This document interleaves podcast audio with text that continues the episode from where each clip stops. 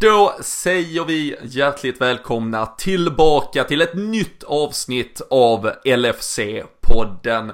Som väldigt många av er säkert har eh, kanske märkt på sociala medier inför det här avsnittet. Eller så har ni varit kloka nog att läsa er till det i eh, rubriken eller i beskrivningen där. Så är det ett lite speciellt avsnitt som väntar. Vi ska nämligen om en liten stund här gå loss i någon form av, eh, ska vi kalla det, eh, poddhistoriens första boxningsfight kanske. Det är LFC-podden mot Ledley Kings knä. Podden som täcker det vi täcker om Liverpool fast för Tottenham. Eh, så det ska bli väldigt kul att dels få en inblick i deras tankar. Eh, Tottenhams säsongsinledning har väl, ja, verkligen lämnat mer att önska. Och så var det ju Tottenham och Liverpool som möttes i Champions League-final för 4-5 månader sedan. Så det har ju varit verkligen en intensifiering av, ja, i alla fall någon form av antagonism de här klubbarna emellan. Så det ska bli kul att både få eh, lära, ja, känna supportrarna och deras känslor kring laget, men kanske också få gnabbas, gnetas och fightas lite. Det finns ju ett par spelare som väcker kanske lite ont blod fansen emellan.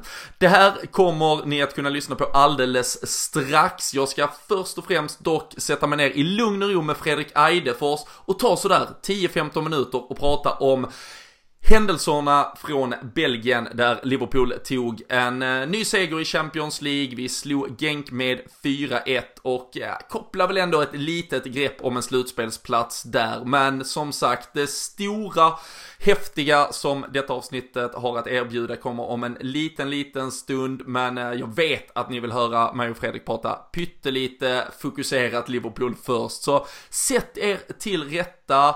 Um, och så snurrar vi igång det här första lilla skedet av podden.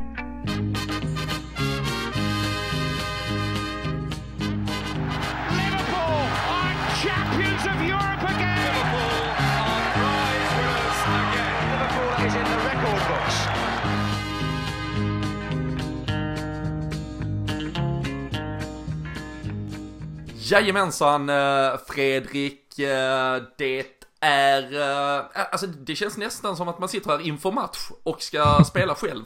Det är, mm. snart ska vi rakt in i hetluften. Eh, ja, det känns ju dock inte som vi har behövt ha någon som har skickat en hårtag på oss för att värma upp oss här utan vi, vi kan tagga, tagga oss själva på något sätt känner jag. Det är bara med det lilla du nämnde introt eh, får en att, växa lite som sagt. Det är kanske inte riktigt så som Origis banner gjorde i, i borta nu mot Schenk visserligen men eh, får se om någon förstår den referensen. Men eh, eh, nej, det ska bli jättekul som sagt och det, nej, jag har sett fram emot detta måste jag ändå säga sen jag såg att jag kunde vara med och, och prata ikväll. Mm. Nej, men eh, precis som, eh, som redan nämnt då och eh, alldeles strax så ska vi gå över till det samtalet som vi kommer att ha med grabbarna då från Ledley Kings knä. Men de och vi känner väl att vad som liksom har hänt sådär i veckan för respektive lag, det behöver vi inte beblanda med varandra utan vi ska ju såklart fokusera på det som kommer till helgen när Liverpool möter Tottenham på Anfield. Men det har ju spelats lite lite fotboll som eh, man väl också får försöka eh, packa ner i eh, lite komprimerad form här som en liten uppvärmning inför det som komma skall Fredrik. Och det var Belgien som gällde, det var Genk för Liverpool, även om det var Gent för ett par supportrar som hade kommit vilse. Men eh, 4-1 som sagt och eh, andra segern då i eh, gruppspelet här efter att det hade blivit förlust mot Napoli i premiären. Blott också faktiskt bara den andra bortasegern i gruppspelet sedan 2009. Vi har ju visserligen varit utanför turneringen ett par omgångar men vi alla vet ju hur vi förra året, om än i en tuffare grupp, men det var även en fadäs i Belgrad till exempel, inte lyckades ta någon poäng alls på bortaplan. Nu åker vi väl ändå till Belgien och faktiskt, så att säga, gör jobbet. Eh, ja, men det får vi ändå säga. Det finns ju folk som kan sitta och läsa statistik om att eh, ja, vi hade si och så mycket bollinnehav och skapade så och så mycket chanser. Men eh, det var en sån där med facit i handen, en, en bra bortavinst. Alltså på ett, på ett, visst, vi släppte in ett mål, vilket vi gärna hade eh, sluppit göra, men gör fyra borta med tanke på den, eh, den formen vi har haft eh, så måste jag ändå säga att det är en, en lyckad kväll eh, för många spelare och som vi har velat se på planen framförallt. Men nej, jag skulle inte säga att det finns så mycket att klaga om egentligen, utan det är en sån här vinst som man kanske inte tar ut sig allt för mycket, men man, man, man, får tre poäng med sig och det är väl på något sätt ändå det viktigaste nu med tanke på hur dåligt det har gått på bortaplan i Champions League på sistone. Så att eh, nej, det är, får vi ändå säga att vi, jag är nöjd i alla fall. Jag vet inte om du känner att det finns så mycket att vara missnöjd med kanske efter en sån här match. Nej men verkligen inte. Det, det är ju en uh, lite så här, hade man uh, missat uh, matchen fullständigt och bara liksom kollat resultatet i efterhand, sett 4-1 och liksom, mm. oh shit, vi åkte till Belgien och liksom daskade till dem rejält. Det är liksom storseger och utklassning och allting, men det kändes ju under långa stunder som Snarare en sån match som eh, vi satt och och jag tycker väl kanske sett över 90 minuter så är det en sån match. Det vi pratade om det i podden senast att liksom det handlar om att åka dit, göra jobbet, mm. vi pratar 1-0, 2-0, alltså ja, vad det nu landar i resultatmässigt. Men ins och insatsen som helhet kanske just snarare hade, det hade kanske speglat typ 2-0. Alltså det var det och inte mycket mer. Men mm. samtidigt är det ju exakt en sån insats man vill ha. Vi roterar 4-5 spelare från helgen. Vi vet att vi behöver ett par killar som ska ha liksom friska ben inför matchen mot Tottenham. Åker dit, gör jobbet. Det var trots allt ett gäng som hade stängt ner Napoli senast. Även om jag inte trodde på förhand att det skulle liksom gå, att de skulle hålla emot det, så, så visar det ändå på liksom uh, kvalitet att uh, bryta ner dem förhållandevis. Mm. Konstig inledning där vi stod väldigt högt med backlinjen, vi släppte igenom. Vi ska inte kanske gå, vi hinner inte gå så otroligt djupt i det taktiska. Men det som är Kul att prata om, du framförallt har ju varit en av dem som har uh, slått på den stora trumman för att se lite nya mittfältskonstellationer och mm. uh, igår fick vi ju se Oxlade, Chamberlain, Ä Axel Oxlade om man ska tro ja. Niklas Holmgren och uh, Naby Keita då framför uh, Fabinho och man kan ju återigen där gå in på livescore och titta så ser man att det var två mål av eh, Oxlade och eh, tittar man på statsen så var det 110 lyckade passningar av Naby Keita, bäst eh, för säsongen i alla bortaspelande lag i Champions League. Men om man faktiskt satt och såg matchen i 90 minuter, vad tyckte du? Fick de det att funka eller fanns det mer att önska? Alltså för att vara en första match så att säga och inte ha spelat äh, särskilt mycket om ens någon, någon gång tillsammans mer eller mindre så finns det ingenting att klaga på. Det, jag tyckte att, eh, när vi tar Keita som ett exempel, eh, även om inte han kanske var den som eh, gjorde, gjorde poängen i matchen så får vi ändå säga att han står ju för det som jag efterfrågat tusen miljoner gånger. Alltså ett lugn med bollen. Det, fanns all, det finns ju aldrig någon stress överhuvudtaget eh, när han håller bollen och, och det, det, speglar ju av sig på de andra spelarna eh, i slutändan med. Och jag behöver inte nämna några namn. Eh, jag tror att alla vet vem jag tänker på när det, när det gäller just det här med passningsspelet och, och kontrollera ett mittfält. Men det gör han ju fruktansvärt eh, bra. Eh, sen för att vara så liten som han ändå är så är han ju Eh, inte för att dra jämförelser i spelsättet med Kanté, men liksom små ettriga mittfältare som är duktiga box-till-box-spelare eh, egentligen. Han vinner tillbaka mycket bollar trots sin storlek och det finns ingenting att klaga på egentligen. Han kommer bara bli bättre. Det är, det är jättekul att se. Jag hoppas han får vara frisk. Eh, så det, det, känns ju skönt. Fabinho vet man ju lite vad man får så att säga. Han är alltid stabil städgumma på mitten. Eh, men sen är det just det med Oxlade Chamberlain som har just det där lilla extra. Eh, nu står han för två mål utanför straffområdet och om jag inte minns helt fel Robin så senaste spelaren att göra ett mål för utifrån var väl just äh, Axel äh, Oxlade Chamberlain. Jag är på att säga det igen. Eh, var, var det mot ah, City? Ja, det, det kan ju inte vara så långt tillbaka. Wijnaldums skott som Dean Henderson hjälpte oss med mot uh, Sheffield United. Måste ha kommit in. Men framförallt det vi ah. kan säga att Oxlades senaste, hans fyra senaste mål han gjort. Nu är det ju visserligen då utspritt rejält på grund av hans ja. skada. Det, men det är fyra mål på mm. fyra skott utanför boxen. Så han mm. bringar ju så att säga den dimensionen till ett spel där vi har skrikit ibland, framförallt mot lågt sittande försvar, att det är ändå en USPO edge att få in. Precis. Ja, senaste kanske i Champions League möjligtvis. Det måste ha varit mot City då när han eh, drog det långskottet. Men oavsett, vi, vi, har inte varit bortskämda med det. Eh, och eh, jag menar, han, han, har ju ett fantastiskt bra skott. Eh, verkar inte behöva sikta in sig allt för mycket som många andra behöver göra. Eh, om man nämner Wijnaldum som, eh, om inte han har någon orange tröja på sig så blir det inte så jättemycket eh, snygga mål därefter. Men eh, det är kul att vi kan få se en sån eh, konstellation där det med mycket flexibilitet, mycket ja, lite snabbhet och, power som också finns i de mittfältarna. Så att jag, som du kan förstå, är väldigt nöjd med mm. gårdagen.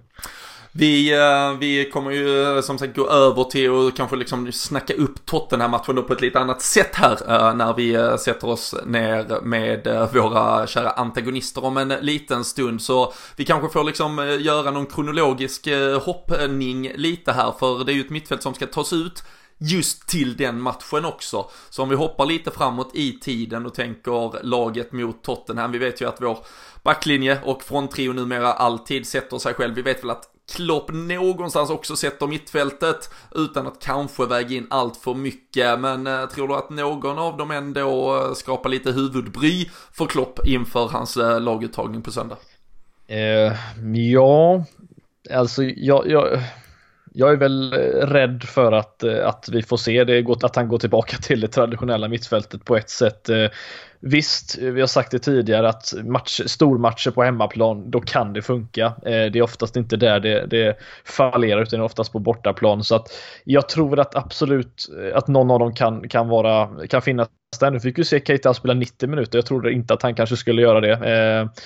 Men jag tror att de blir bänkade i den här matchen. Jag tror Klopp eh, vill ha någon som är 100% inne i, i, i, i flåset och det, de är inte riktigt där än kanske. Eh, jag vet inte om du känner samma sak men eh, Nej, alltså jag, jag tror... Keita känns väl närmare i så fall på något sätt. Ja, men det gör han absolut. Och, och jag tycker, alltså även om man liksom bidrar med en dimension till så är han mest, Fast att han kanske är väldigt olik, men alltså Oxlade har mer sin spetsegenskap tycker jag i form av liksom skotte och så vidare. Tycker inte han riktigt är inne i att kunna spela liksom 90 minuter, det här box-to-box, det intensiva spelet. Där tycker jag att Keita hade kunnat gå in och göra det. Och hade vi haft en skada på Wijnaldum till exempel, då hade han säkert varit högaktuell och bara gå rakt in och ta den platsen. Men jag tror lite som du är inne på, speciellt när de då vilar nu i veckan, jag tror de går in och spelar. Det var också, vi har ju pratat om den här Champions League-vinnande elvan, nu möter vi ju vår rival från just finalen i Madrid. Eh, så det är väl inte helt osannolikt att vi får se exakt den startelvan som vi såg där när vi lyfte den eh, sjätte Europatiteln. Men eh, det var ju verkligen, framförallt från Keita tyckte jag det var en match som verkligen bådade gott och visade att han kommer vara ett alternativ framöver. Oxlade tyckte jag, jag skrev det också i, i, vårt, eh, i vår grupp innan liksom han utöver två mål så kändes det som att han hade kanske två touch till på bollen. Han bidrar egentligen, inte, kommer inte riktigt in i spelet och så har det sett ut ett par gånger när han kommer in och eh, han behöver ju fortsätta få matcherna. Ehm, vi har Arsenal i kuppen eh, veckan här på ju som kommer efteråt och även om det är Carabao och eh, vi eh, vet hur vi mixtrade och satte in väldigt unga spelare senast och även de spelarna som inte ens fick vara med och så vidare så kanske där också är ett läge för Oxlade att få ytterligare en match i benen där han får fortsätta hitta tillbaka till det och det är ju fantastiskt att han kan komma in och då fast att han inte är i toppslag bidrar med två mål och var avgörande på det sättet som han är. Men eh, jag tycker det saknas en dimension i spelet fortfarande för att han ska bli aktuell. Så jag tror väl att vi får se den där ordinarie elvan, men vi eh, kan väl se om vi kommer in på det när vi eh, snackar med motståndarlägret. Kan vi se om de fruktar kanske någon av de andra mer helt enkelt. Mm. I försvarslinjen så fick Milner agera högerback, den Lovren kom in och Alison Becker var inte jätteglad på hur han hanterade bollen vid sidlinjen i 87 minuten. Vem är det? Alltså jag, jag, läste en liten rolig grej, jag måste bara ta upp, eh, som, som, han har, den här killen, jag kommer inte ihåg vad han hette, som skrev på Twitter, han har en poäng. Alltså, eh, han har ju absolut absolut ingen bra liksom, core-styrka Lovren. Alltså hur många gånger har vi sett honom stå sådär och liksom försöka täcka en boll och liksom Han blir ju alltid undanknuffad. Han lyckas ju aldrig vinna en sån duell. Och vad hade Matip gjort? Ja, han hade ju spelat ut den, kanske till och med fått med sig ett inkast för att han hade dratt den på motståndaren. Och så är situationen över. Men jag vet inte om det är så här som, som att han gärna vill bevisa någonting lite extra. Och så blir det ju pannkaka och det vet vi hur det har blivit tidigare. Men eh, ja, lite onödigt får vi ändå säga. Ja. Men jag känner så här, ska han nu någonsin göra det så gör det när vi leder med 4-0 borta mot Genk. Ja, vi får byta in honom i vissa matcher när vi leder med så många bollar bara för att få ur det ur systemet möjligtvis. Men ja, nej, det är, det, det är en historia i sig. Så är det. Och eh, utöver Oxlades eh, två mål så var det sedan firma Mané och Sala. De eh, assisterar varandra vars en gång och eh, satte dit mål. Men i offensiv riktning så kändes det ju annars som att det var Roberto Firmino som eh, bjöd på eh, kanske de absolut eh, mest läckra delikatesserna. Hans eh, Rabona-framspelning till eh, Mané det hade väl, om man räknar in hela situationen som sådan, kunnat kliva rakt in på en eh, Puskas-lista som eh, årets mål om eh, Mané bara hade gjort vad han borde. Ja, och man har ju sett, sett Fabinho, Firmino göra några sådana där spektakulära grejer som kanske bara känns väldigt uppenbara men kollar man lite djupare på det, jag vet inte om du kommer ihåg målet borta. som Precis. Yes! Eh, exakt. Nej, men just det här med att det känns mm. som att han är den enda som faktiskt tänker på hur ska jag lösa den här situationen för att få fram bollen? Ja, vi gör så här. Och det är ingen annan spelare som hade tänkt så som han gör. Och, och det är precis, precis så känslan är, det vill säga att han hittar lösningar som ingen annan gör. Det är bara synd att man är får en liten, liten, liten knuff.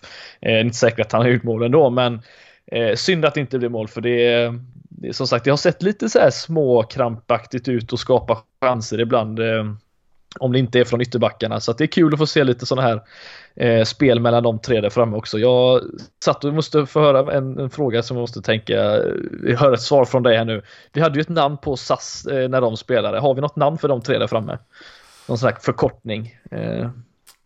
Det är... Eh, Känns som det borde finnas någonting. Men det, det, de kan ju inte, det är ju bara konsonanter vet du.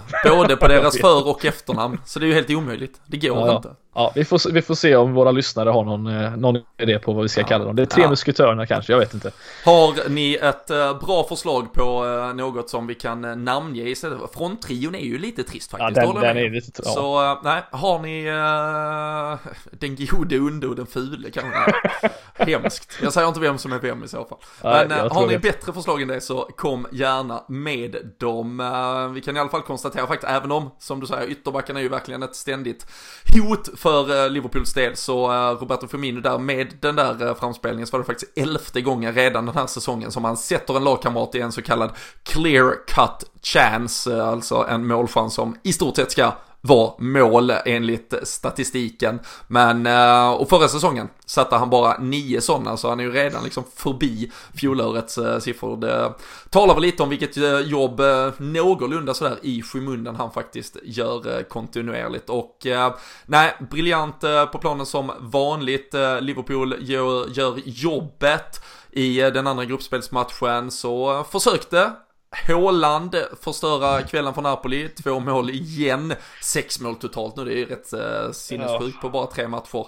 Samtidigt också ett Salzburg som nu har gjort alltså 11 mål på tre matcher men ändå bara vunnit en match. Så det säger väl lite också om eh, deras all out attack och eh, att det inte är så mycket fokus på så jättemycket annat. 3-2 eh, till Napoli slutar ju den. Så um, Napoli och Liverpool har väl kopplat det där greppet nu då till slut som de flesta trodde från början och Liverpool har ju i stort sett om än inte matematiskt, men eftersom det är Napoli och Liverpool som då spelar hemma mot Salzburg och Genk i nästa runda så vinst för favoriterna där så är det väl i stort sett klart också med mm. avancemangen helt enkelt. Men äh, nej, äh, en dag på jobbet som äh, gjordes bra på alla sätt och vis av Liverpool. Fick ju vila ett par spelare, Matip och Trent följde inte ens med, men av alla rapporter som finns att tillgå så ska det väl vara ganska okej okay med dem inför helgen. Andy Robertson gick också av men eh, hade ju bland annat sagt till James Pierce i den mixade zonen efteråt att han kände sig bra och redo till helgen. Så det ska väl vara ett Liverpool som är i eh, fullt slag och eh, det är alltså mot ett Tottenham som jagar sin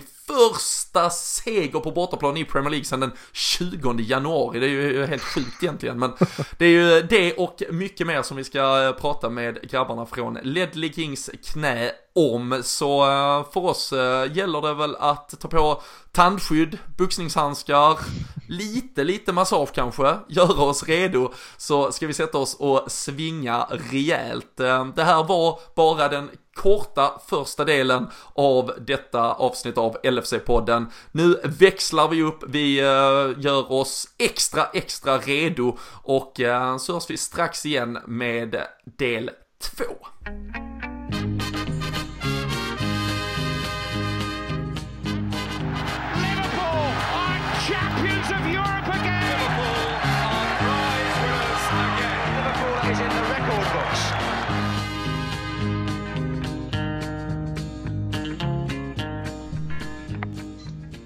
Ja, men då eh, får vi eh, hälsa välkomna till både vänner och eh, fiender, för det är väl ungefär hälften av er som lyssnar som känner igen den här rösten. Det är Robin Bylund från LFC-podden och vi eh, har idag ett väldigt speciellt avsnitt där, eh, ja man kan väl säga antingen så kanske man ser det som att vi har invaderat eh, Ledley Kings knä, eller så ser man det som att Ledley Kings knä sitter här och gästar oss. Vi ser det väl mer som en riktigt härlig gyttjebrottning som vi ska försöka utspela under den närmsta timmen. Eh, som sagt, eh, hälften av er känner väl till mig, hälften av er ska väl försöka få lära känna mig lite och eh, i min ringhörna under den här närmsta stunden har jag även Fredrik Eidefors och det är väl lika bra Fredrik att du då också bekantar dig lite med mm. ja, övrigt gäng här som inte har full koll på vem du är.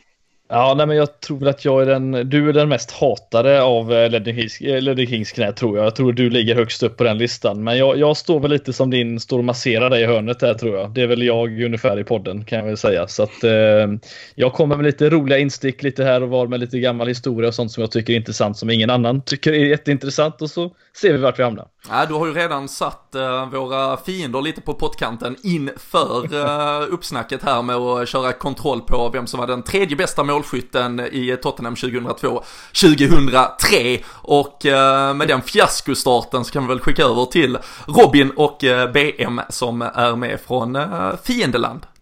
Ja men eh, tack så mycket, eller fiendeland. Det finns ju liksom ingen hemmaborg i krig. Eh, utan då är det ju liksom ett slagfält eh, som, som man är på som är delat på ett eller annat sätt och sen i slutändan så lär väl vi gå härifrån segrade tänker jag. Robin heter jag, eh, eh till vardags i Ledley Kings knä då och Tottenham-supporter. Eh, och med mig har jag Alexander eh, BM, också trogen vän och poddare. Du har helt rätt Fredrik, Robin Bylund är den mest hatade Liverpool. Eh, och han blev en, han klättrar nog lite upp på den listan nu i och med den här med, för jag, här, skånskan tog mig lite på sängen här när vi startade upp skypen också. Så att eh, den är väl cementerad. Du har alltså inte lyssnat på Liverpool LFC-podden tidigare? Eh, det får jag väl erkänna att jag inte har. Han har inte råd, vi är ju en dyr podd.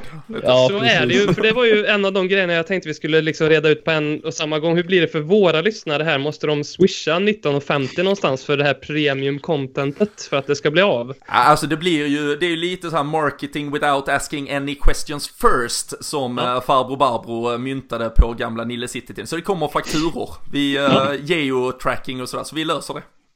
Bra. Men eh, BM, du får jättegärna eh, presentera dig själv också, hela vägen från eh, charmiga Eskilstuna, en stad med potential. Det vet jag inte riktigt om jag skriver under på, men det kan väl nästan gå att säga att man kan skriva att Tottenham är ett lag med potential, eller var en gång i tiden i alla fall. Mm. Ja, det, jag ser fram emot det här. Jag har ju en del Liverpool-kopplingar genom livet och kanske kommer in på det senare, men jag måste lägga in en brasklapp där. Att Bilund skulle vara den mest hatade, det stämmer nog bland våra lyssnare. Men eh, internt känner jag att jag håller bilen högt för att vara, för att vara Liverpool-supporter så det är relativt lågt fortfarande. Men... Vilken jävla fan mindfuck här alltså. Nu bygger han upp mig så kommer kniven om en liten stund känner man ju direkt här. Men... Nej men ja. det, det, är väl så här, eh, många som eh, lyssnar på detta, det är säkert någon som bara råkat eh, starta avsnittet undrar vad fan vi sysslar med. Men det är väl också vissa som har följt ett visst gnabb som eh, jag ändå tycker att vi oftast håller på en ganska bra nivå. Man märkte väl dock idag här, eh, torsdag kväll sitter vi och spelar in när vi börjar lägga ut lite mer på våra sociala medier inför detta. Att det är, det är vissa där det, där det kokar till direkt. Det är vissa som eh, håller det okej okay, och vissa som undrar eh, varför alla i motståndarlagen är dumma i huvudet. Vad har vi för ingångsvärde inför det här avsnittet? Är det liksom, ska vi konstatera att vi liksom Ska det landa i att vi hatar varandra fullständigt eller ska vi försöka nyansera bilden så sakteliga? Ja, men det, det, det, tycker jag definitivt. Jag är väldigt stolt eh, som fanbärare av den liljevita flaggan här längst fram i, i, ledet för att jag känner uppslutningen på Twitter och sociala medier från mina kamrater har varit eh, på den nivån jag önskar. För jag känner lite grann att jag tror jag aldrig har hatat Liverpool så mycket som jag gör just nu. Eh, som jag har gjort de senaste åren också. Jag tror det är många i Tottenham-leden som känner samma sak. Det är ganska intressant hur Liverpool har liksom klättrat upp. Det har alltid varit Arsenal och på ett sätt kommer det alltid vara Arsenal och sen kommer det alltid vara Chelsea för att man är en människa på något City. sätt. Liksom. Och City också så då. Men Liverpool har ju klättrat upp på den där så att jag tror att vi är på någon form av sweet spot här nu, någon form av peak. Så jag tycker liksom att eh, vänskap åt sidan här nu, nu tycker jag att vi, vi gräver ner oss. Jag vet inte vad du tycker BM? Alltså jag brukar ju, jag, jag kommer inte göra mig vän här med era lyssnare nu direkt här, men eh, jag brukar ju säga att jag har inte så mycket emot klubben Liverpool, utan det är bara alla svenska Liverpool-supportrar jag har väldigt svårt. Tur, tur att vi är en internationell podd. Vi har inte så mycket svenska lyssnare så det, det är ingen fara. Hur kommer, det sig, hur kommer det sig att Liverpool är högst upp på den listan?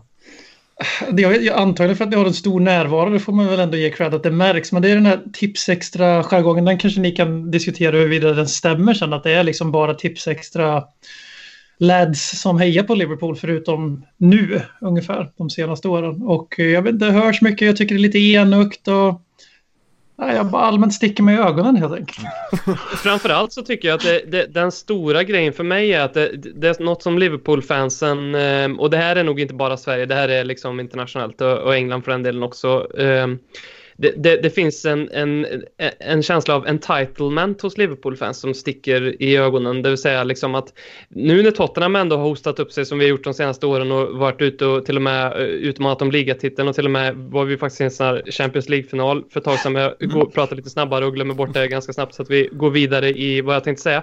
Eh, men, men när vi har nosat på framgång så har vi liksom alltid känt någonstans att ja, även om vi leder 3-0 hemma och det är 88 minuten så kom- kommer vi kanske få med oss ett kryss från den här matchen. Um, och jag tror att Liverpool alltid, det känns som att Liverpool-supportrar alltid liksom förväntar sig framgång.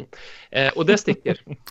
Fast det är, alltså jag tror, Åh, alltså, herregud. ja det finns, det finns ju, man, man märker ju verkligen att de inte har lyssnat på, på podden. Vi har ju suttit här i sju år och beklagat oss över allt som har med, med Liverpool Football Club att göra och vi, eh, framförallt du Fredrik brukar ju eh, sitta efter att vi eh, hade 17 raka segrar, en Champions League-vinst och 97 poäng så satt du och hatade halva laget ungefär. Alltså, det, det, vi hade ju ett avsnitt som jag tycker är ganska talande som varför liksom, att vi inte är det som, som Robin säger och det är just för att du, du och jag Robin satt och hade podd tror jag inför Liverpool-Porto efter att Liverpool slått Porto med 5-0 på bortaplan och du säger frågan är matchen över? Jag svarar absolut inte. Eh, och det var exakt så min känsla var eh, så att jag tror ändå vi är, vi är mer lika än vad vi tror. Det, det är min känsla. Eh, Sen finns där en, eh, ett gäng tips extra Ja, det. som håller kvar, som vet att Liverpool alltid vinner och som inte kan liksom uttala spelare i motståndarlagen och sådär, för Liverpool är störst, bäst och vackrast. Så är det. Så ni har ju absolut eh, delvis en, eh, en poäng i er eh, analys här, eh, tror jag, men eh, det är lite för mycket svart och vitt eh, på sociala medier också för att kanske göra en eh, fullständig tolkning av eh, Liverpools följare. Jag har, en annan grej då som, för att det, det är ju den här uh, This means more-videon. Ni vet, ni vet ju vilken jag menar. Ja. Videon Alltså, vet jag faktiskt inte. Ja, ja, när, det, är ju en, det är ju någon form av reklamvideo för Liverpool. Jag vet inte, det kom förra året tror jag. Jörgen Klopp eh, sitter och berättar om hur fantastiskt Liverpool är. For others this is sport, for us it's a way of life. For others clubs they have stadiums, we have a home. This means more to us. Och det, det är liksom... Ja, eh, men, men, men befriande då att ni slår hål lite grann på att ni som i den här podden eh, kanske befinner er mer på den cyniska eh, eh skalan då, för det, är ju, där känner ju i alla fall jag och BM eh, liksom oss ganska trygga tror jag. Mm. Alltså jag kan ju säga så här, inför att vi skulle möta Manchester United nu här senast, då tog jag ju för första gången språnget upp, eller över på andra sidan och gjorde exakt det där du pratar om. Brösta upp oss, nej fy fan nu går vi ut och asfalterar dem, vi är Liverpool, vi är så mycket bättre än Manchester United. Och det fick man ju såklart äta upp direkt, så vi är tillbaka på den cyniska sidan, det lovar vi er. Så, eh, så, så illa som ni kanske fruktar är det faktiskt inte. Men eh, med det sagt så är det klart att vi är ganska övertygade om att vi slår ett lag som inte har vunnit på bortaplan i ligan sedan 20 januari när vi möter er till helgen. Så, Ja, men borta, borta matcher som är ganska överskattade överlag skulle jag säga. Det är bara att kolla på era egna led. Ni ska åka till Genk och era supportrar drar till Gent istället. Det säger ganska mycket om liksom hur högt man ska hålla en bortamatch tycker jag. kan vi eh, räkna med att ni eh, inte dyker upp helt enkelt i Liverpool? Jag vet inte, vad, vad, vad säger du BM? Dyker vi upp? Eh, jag skulle vilja vara kaxig här nu och säga att vi, ja, vi kommer ju vinna med 2-1, det kan jag börja med att säga. Men jag ska faktiskt inte se matchen på plats, jag ska besöka min familj. Nej, men uh, jag tror att uh, vi, uh, alltså som sagt, jag, jag tror att det finns en, ett klimat ute på Twitter just nu som vill skapa en viss rivalitet mellan Tottenham och Liverpool. Men känner ni, du, ni pratade ju om det inledningsvis, att liksom Liverpool det har seglat upp som ett hatlag då, mycket på grund av svensk fanbase och så vidare. Men känns det inte lite hemskt för er att behöva liksom hitta rivaler på det här sättet. Liverpool bryr sig egentligen inte någonting om Tottenham. Vem av, vem av oss? Båda två bara...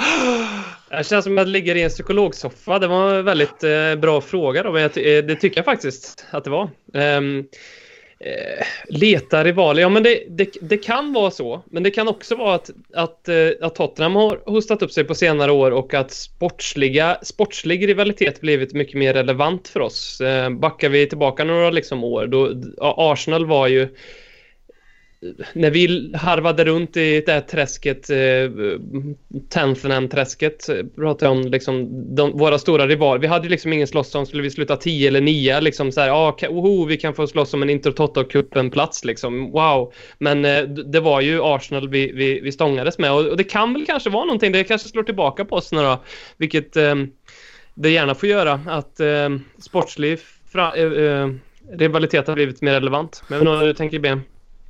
Men just med Liverpool är det är definitivt att eh, om, man ska, om man ska hårdra lite, det finns ju två klubbar i engelsk fotboll som eh, eh, främst symboliserar allting som är fel med den moderna fotbollen. Och det är ju, den värsta av dem alla är ju Chelsea för de var först och sen så är det Manchester City som är liksom ett rent gift för fotbollen överlag.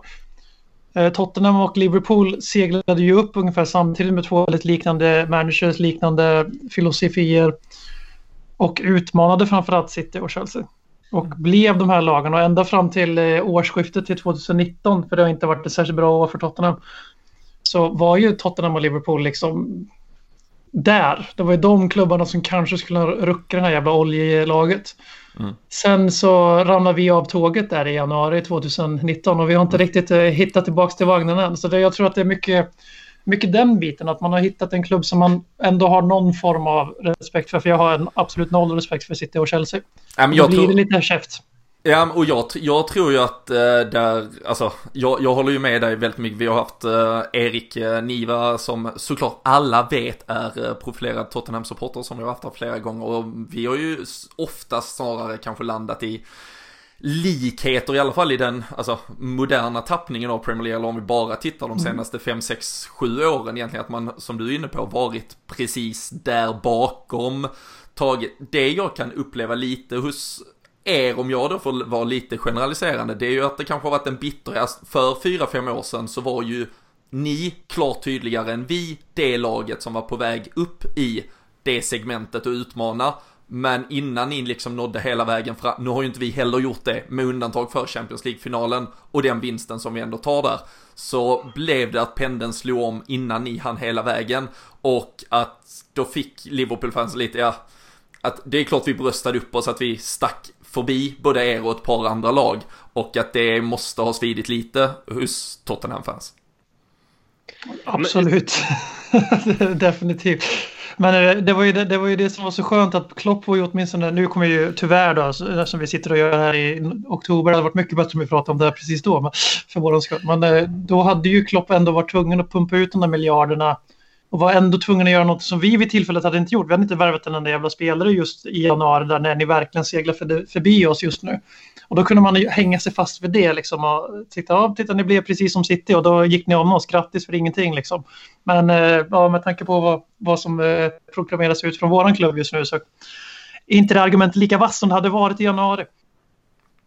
Nej, och sen ska nej. vi inte liksom, eh, för, alltså det här med, eh, nu, nu, är jag väldigt eh, lite existentiell här, men, men, men, men att vi har tyckt att Liverpool-supporter alltid liksom tyckt att klubben ska förtjäna framgång och, och, när man väl får den då, liksom att man basunerar ut det på alla sätt och vis, det, det sticker ju oerhört på ett psykologiskt plan också. Det gör ont.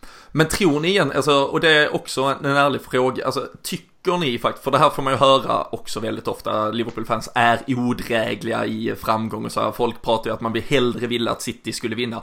Är det inte, alltså kan vi inte slå ihop med, låter vi verkligen högre eller är det inte bara att vi är fler? Alltså det är klart att du får ju hundra tweets om Liverpool vinner. Du får ju två om Manchester City vinner. Ja, ja, jämför vi de två klubbarna så då har vi en riktig fotbollsklubb och så har vi ett oljebolag. Så att, eh, då är det ju 100% sant.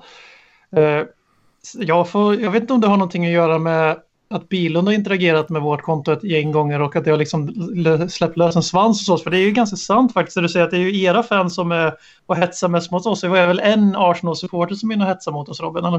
Du vet ja. han som fortfarande tror att Pepe är en bra fotbollsspelare. Mm. Men i själva verket är han den största, moderna, är den största floppen i modern tid. Mm. Färre vi... poäng än, Dombele. Woop, woop. Ja, då kan vi bolla över till eh, vår eh, Fredrik Eidefors som hade scoutat Nikola Pepe inför säsongen och var ja, gråtande det... i podden att vi missade Nej, det gjorde jag väl inte, men det, vi alla vet ju hur det är med spelare som hamnar i fel, fel lag helt enkelt, hur det kan förstöra en, en framtid för spelare. Det, det, så svårt är det inte att, att se detta. Jag, jag är fortfarande fast bestämd att det är en jävla bra fotbollsspelare, men jag hade ju hellre tagit en, en Dombele. Det har jag ju pratat om podden rätt många gånger innan han skrev på för Spurs också. Ja, det var Fan, är det Spurs som kopierar Fredriks lista här snarare än de andra eh, rykten som flög Jo, det är, det är redan liksom bestämt på något sätt. Men eh, rätt många, det är faktiskt lite kul om vi får vara lite seriösa, att många spelare som faktiskt har gått till Spurs, det är spelare som jag har, har velat sett i Liverpool tidigare. Eh, men... Eh, så det har gjort lite Eh, nej, inte eh, ens i närheten. Eh, nej, men liksom en, en, en sån redan innan dess. Eh, Delali vet vi ju historien bakom exempelvis. Eh, så det finns några spelare där helt klart som, som är intressanta, men vi kommer nog komma in med det lite senare tror jag. Absolut. Men jag måste ändå utmana den, för nu har liksom den frågan fått snurra ett varv i mitt huvud lite grann som du ställer här Robin. är det verkligen så att Liverpool-fans... För den där är en jättebra fråga att ställa sig i fotboll, för att man är ju så extremt generaliserande hela tiden att alla Arsenal-fans är på det här sättet, alla Chelsea-fans. Och sen så lyckas man någon gång liksom upptäcka att oj, det var Tottenham-fans som höll på på precis det där viset. Det, det liksom så här väljer man att blunda för. Så. Men, det, men det var ju ändå liksom en liten incident. Ta det här med, med Citybussen, Liverpool-fansen Mm. Eh, där har du en, en, typisk grej i modern tid när ni, vad gjorde ni? Jag menar, kastade flaskor och eh, stökade mm. till det. Lite sådana grejer som, om jag jämför med Manchester United då, som ändå, ni kanske hatar att jag gör, men som är väl ändå en ganska jämförbar klubb. Jag, jag, jag, har, jag har aldrig skrivit med en Manchester United-supporter på, på Twitter. Jag upplever inte samma vardagshets på jobbet eller med vänner från Manchester United-fans ja, jag... som jag gör från Liverpool-fans. Nej, och, och det jag tror, och nu återigen så, så tar jag bara upp eh, egentligen fingret i luften och, och, så, och så får vi se vart vinden vänder så att säga. Men för det första om vi pratar att eh, både ni och vi drog igång våra verksamheter runt 2013 så har ju Manchester United varit på liksom decline och i ett eh, ständigt förfall sedan dess ungefär. Och eh, det tycker jag i alla fall om jag går till min umgängeskrets med de som eh, växte upp och eh, liksom såg United vinna varje vecka. Man behövde inte ens kolla tabellen, eh, man kunde gå dit i april och så visste man att de, ja, två omgångar till så vinner vi och så vinner vi ligan. Och de tycker ju inte det är så jävla roligt med fotboll nu överhuvudtaget. Alltså de är ju liksom på nivån att de faktiskt inte ens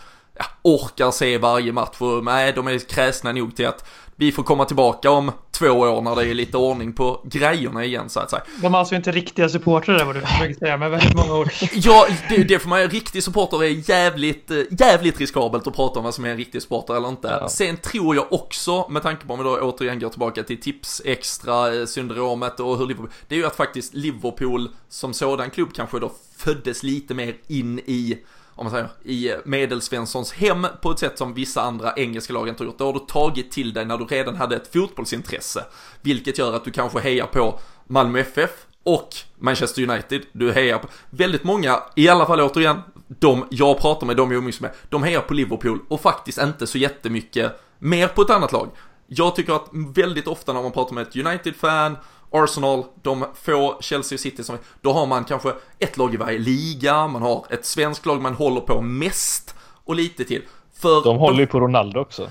Ja, den finns ju också såklart. Men jag, det, det, jag träffar inte lika många som påstår att Liverpool är deras lag, som har dem som typ andra lag. Man har Liverpool ofta som ett första lag. Och därav kanske att man då ändå eh, påstår det. det är väl, jag tror det är det som är den liksom så här Liverpool-aktiga definitionen av att man är riktig supporter i alla fall.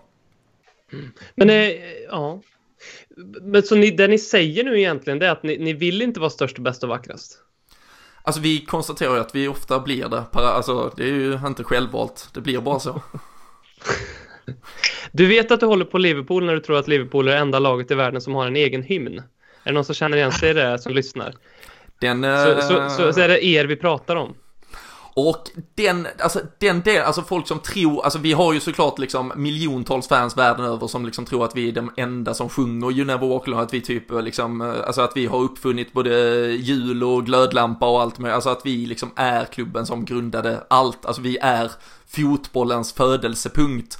Det förstår vi att vi har eh, och jag tror återigen där, det har säkert ganska många klubbar, men Liverpool eh, är högljudda med sådant. Men jag tror att ni och era följare har en lite skev bild av vart i alla fall den moderna Liverpool-supportern befinner sig kontra den här eh, nästan ändå karikatyrliknande bilden ni eh, nog har av eh, den där tipsextra-gubben som eh, sitter och eh, nynnar på You Never Walk Alone och gråter en skvätt inför varje match. Ja, men jag tycker det var ett väldigt fint försvarstal. Tack. Det är krig som sagt, så alltid. Man gör vad man kan. Ska vi, eh, ska vi, ska vi, eh, det här var ju faktiskt en av de grejerna vi väldigt gärna ville prata mer om och det är ju det vi kallar för sekten, eh, Liverpool-sekten och känner liksom att jag vet eran ställning i den och jag, jag, så. Ska vi kanske prata lite om faktiskt matchen på söndag och sen glida in på, på de här bitarna lite senare, vad tycker ni om det? Det tycker jag låter eh, väldigt eh, bra. Eh, det kanske är vår, vår chans att skapa lite fördel om vi pratar det fotbollsmässiga så kommer ni väl att slå ner oss med allt det där som sker utanför planen sen efteråt helt enkelt. Men... Vad, vad är era känslor då inför den här matchen på söndag? Jag menar, det är ju, det är ju ingen här som, som lyssnar på det här avsnittet som, som inte äh, vet att Tottenham äh, just nu är ett, ett skakigt eh, och skärrat lag med noll självförtroende och kanske lite mer självförtroende efter eh, eh Röda Stjärnan som för övrigt är ett svårt lag att slå i Champions League-sammanhang. Men eh, vi slog dem på hemmaplan också. Det var inget. ja. men, men hur känner ni liksom, när, när vi kommer in i den här matchen? Känner ni att, ser ni på Tottenham som slagpåsar eller finns det en liten oro och rädsla? Det finns ingenting som har med slagpåse alls att göra om jag ska vara helt ärlig. Jag, eh, jag känner mig egentligen, som vi har pratat om med de här andra lagen, att Tottenham är ett sånt lag som jag faktiskt eh, inte tycker om att möta. Eh, jag nämnde att det finns många spelare som jag tycker om det. De har alltid, tycker jag, haft ett sätt att spela fotboll som skapa chanser som inte Liverpool eh, har kunnat mäkta med hela tiden. Visst, nu har inte vunnit på länge på Anfield i sig, men eh, jag ser inte fram emot den här matchen på samma sätt som många gör, ungefär som Robin gjorde inför United-matchen, för att eh, det här kommer bli en av de svåraste matcherna. Framförallt, vi vet hur, hur, hur, hur laget vill sätta dit Liverpool också efter förlusten. Ni vill visa någonting därefter, så jag ser inte någonting annat än ett, ett stort fett kryss i den här matchen. Och tittar man, alltså jag, har börjat eh, sätta sig in liksom eh, i detta och man kan ju prata om, eh, jag skojar ju lite med när jag skickar passningen kring er usla bortaform. Samtidigt så har ni ju, även om det var i derbyt mot Arsenal så var det ju trots allt på Emirates 2-2. Etihad var ni ju hjälpte oss genom att stjäla ett kryss i slutändan så att det blir liksom ett ruskigt Alltså svårslaget Tottenham tror jag. Sen tycker jag att Liverpool har kvaliteten för att kunna vara de som kontrollerar det för det. Och jag tror väl att Tottenham, det får ni eh, liksom utveckla säkert, men jag tror ni kommer vara ganska nöjda med att kanske ja, ha en lite defensivare approach till detta och låta oss vara de som för matchen och rullar boll. Och med tanke på läget också så tror jag inte att åka och vinna är det som behövs för er just nu. Jag tror fans någonstans kanske är lika nöjda om ni åker dit och gör ett jävligt solitt bra jobb och visar en ja, en kämpainsats, alltså det, det har man ju fått lära sig genom att följa er, men jag tycker man, till och med en blind hade väl kunnat se det genom att se era matcher. Det har ju varit en rätt så pissig attityd från vissa av era spelare i vissa matcher, så alltså det här är ju ändå en bra chans för er att komma och visa ja, det här klyschiga med hjärta, inställning och att man faktiskt vill något med den här jävla säsongen. Så jag tror det blir ett eh, svår, alltså ett svårspelat, gnetigt jävla Tottenham vi får möta. Uh, men där Liverpool är någorlunda spelförande. Men att vi vinner det, det, alltså, det är ju inte så att vi har räknat hem en 3-0 här i alla fall. Jag, jag säger ju att Tottenham vinner med 2-1. Jag backar upp det på absolut ingenting. Eh, Pochettino har haft väldigt svårt att besegra Jürgen Klopp som tränare. Vi har väldigt svårt på Anfield. Pochettino har också haft väldigt svårt att fram till den här säsongen, i alla fall City borta då, att svälja sin stolthet lite i ligan. För det var någonting under våra Champions League-vår där, då var vi rätt vassa på bortaplan. Eh, och eh, då var det för att han svalde stoltheten och ställde upp på ett annat sätt, alltså kontringbaserad fotboll, gneta lite så som ni pratar. Men i ligan för, fortfarande förra året, och vi får väl se nu på söndag då, då var han fortfarande väldigt mycket med att nej, vi ska åka till Anfield, vi ska åka till Etihad, vi ska åka vart fram som helst och vi ska slå dem på sitt eget spel. Vi ska spela vårt spel och vinna på Etihad och det gick åt helvete liksom. Och så vidare och så vidare. Eh, inte den här säsongen. Jag tror att han, i år tror jag att han har svalt den stoltheten och att vi får se vår taktik vi använde mot Dortmund borta. Vi använde mot i Champions League-gruppen i fjol och så vidare.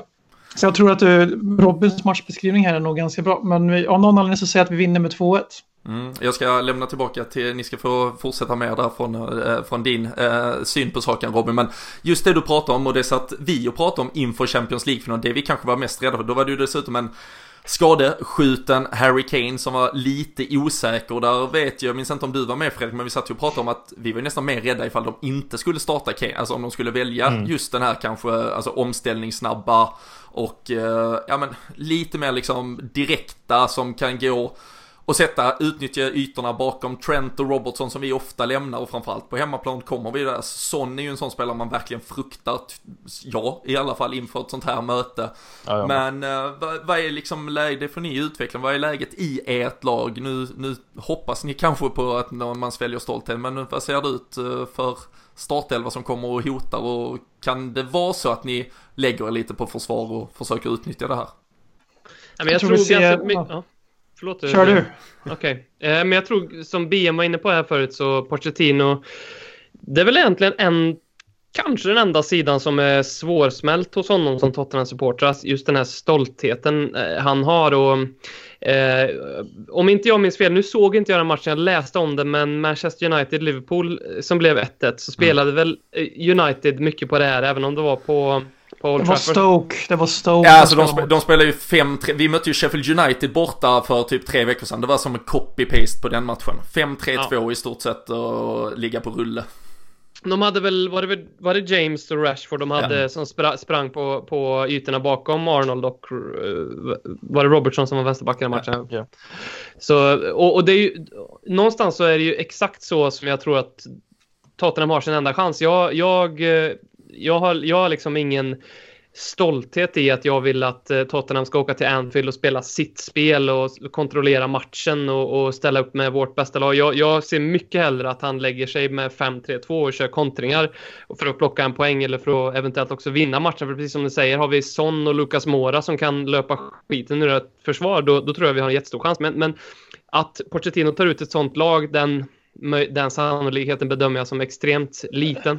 En sak som talar emot det här eh, kontringslaget är också att Lamela var ju helt outstanding mot Röda Stjärnan. Och han, om det är någonting han alltid, alltid gör är ju att han spelar med hjärtat utanpå tröjan. Och äh, även när vi ligger under med när Bayern liksom eh, våldgästar sig på liket så hans blick han ger till sina lagkamrater när de rullar in 5-2, 6-2, 7-2 då, det, det var den enda spelaren på plan som brydde sig i det läget och jag har svårt att se honom utanför startelvan. Sen så brukar Pochettino göra så att han roterar gärna i Champions League i de här lite enklare matcherna på förhand. Och så kör han ett annat lag i ligan och eftersom Ben Davis spelade hela matchen så kan vi nog räkna med att Danny Rose lirar och det är väldigt dåligt för oss. Och sen har vi också i mittbackslåset där så finns det inte en chans att det blir Vertongen Sanchez utan Aldeverell kommer att spela. Sen är väl frågan vem av Vertongen och Sanchez som spelar bredvid. Ben Davis drömmer väl fortfarande mardrömmar om Sadio Mané från eh, matchen var det 15-16 eller var det? Det var en cupmatch va? Uh, nej, det var ligamatchen. Nej, det var en viktig ligamatch skulle jag säga. Men ja. alltså, det är kul att se hur, hur ni andra, alltså, det var en av mina frågor som jag tänkte ställa upp lite här med vi sitter ju och har våra hackkycklingar i vårat lag och ni sitter ju definitivt och har det i ert lag också. Det finns ju spelare som vi jättegärna ser spela för att vi, inte, ja, vi kanske inte är lika rädda, men det finns spelare i Tottenham som, jag vet inte om vad du, vad du tycker Robin, men spelare man känner att åker de och spelar med de här spelarna som, som det känns som att vi känner vårt lag väldigt bra. Vi vet ju på något sätt oftast hur, hur man ska skada Liverpool på något sätt. Vi vet vad våra svagheter är och på något sätt så känns det som att spela en Lamela som har det här lilla aviga i sig. Det är en spelare som jag absolut, jag hatar honom fullständigt extremt mycket. Men det är fruktansvärt jobbigt att möta honom just för den här avigheten och att han har alltid har det lilla extra i sig. Så att det finns vissa spelare jag jättegärna inte ser. Jag ser hellre att han kör ett, ett försvarsmässigt mittfält än att få in en sån spelare som kan ja, bidra med det lilla extra. Mm. Alltså, jag, ja.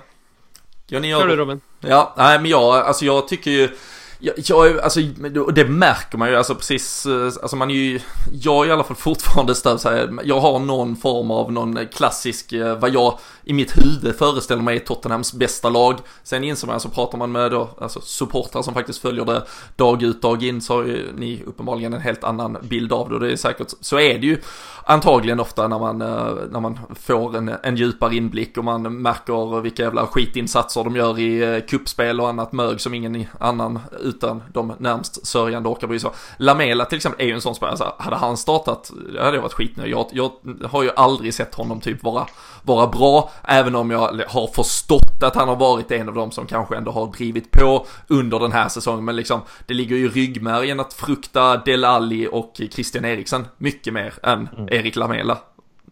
Och, det, och det säger ju lite grann om var Tottenham är just nu därför att eh, även om både jag och BM är extremt stora Lamela-vurmare eh, och de, han har ju en hel del klass. Eh, så är det precis som BM säger att anledningen till att vi vill att han ska spela just nu det är för att han är den vi vet kommer att lägga in ett skift i 90 minuter oavsett resultatet. Ehm, men kanske mycket, hade liksom en Eriksen i full flärd vill man ju kanske hellre ska spela. Det som är lite unikt med Tottenham just, just så tror jag, det får ju jättegärna ni kontra med, men det jag funderar mycket på att det, det, finns bara en spelare i Tottenham som är untouchable och det är ju Harry Kane när det kommer till hackkycklingsfenomenet. Mm. Därför att hack, hackkycklingen... Son är också, Son är också. Son är lite untouchable, eh, men, men, det, men det räcker med att han inte gör mål och är lite svag och, i, och några matcher så, så, så åker han på det.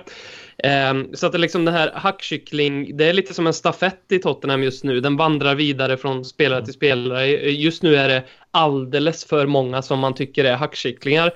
Um, men en spel, liksom, de vi har som etta, tvåa, trea, fyra på vår hackkycklingslista nu, kanske Christian Eriksen, Toby Alderweireld, John Vertongen, Danny Rose. Det är spelare som, som eh, innan säsongen var tydliga med att de ville lämna Tottenham och det är väldigt mycket därför för att när man ser att de inte presterar så blir det så extra mycket jobbigt att se det för man vet att de inte vill vara där heller.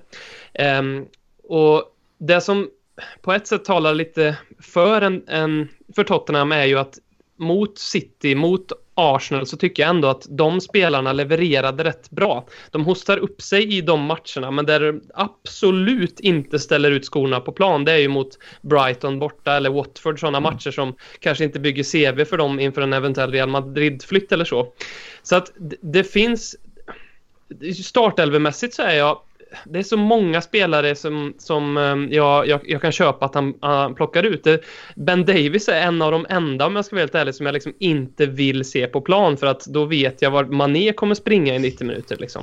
Men vad kommer vara skillnaden om Danny Rose eh, som får pingislunga efter 30 minuter och står och surar resten av matchen för att han inte fick flytta? Ja. Alltså, det spelar ingen roll. Vänsterbacken spelar ingen roll, vem som spelar högerback spelar ingen roll. Det, det, det kommer, där kommer Liverpool ha ett övertag oavsett vilka våra alternativ som spelar där. Men ska vi utan, alltså Liverpools eh, startelva så att säga, den är ju, eh, den är ju typ intakt från, eller den är antagligen exakt intakt från eh, den vi hade mot er i Champions League-finalen.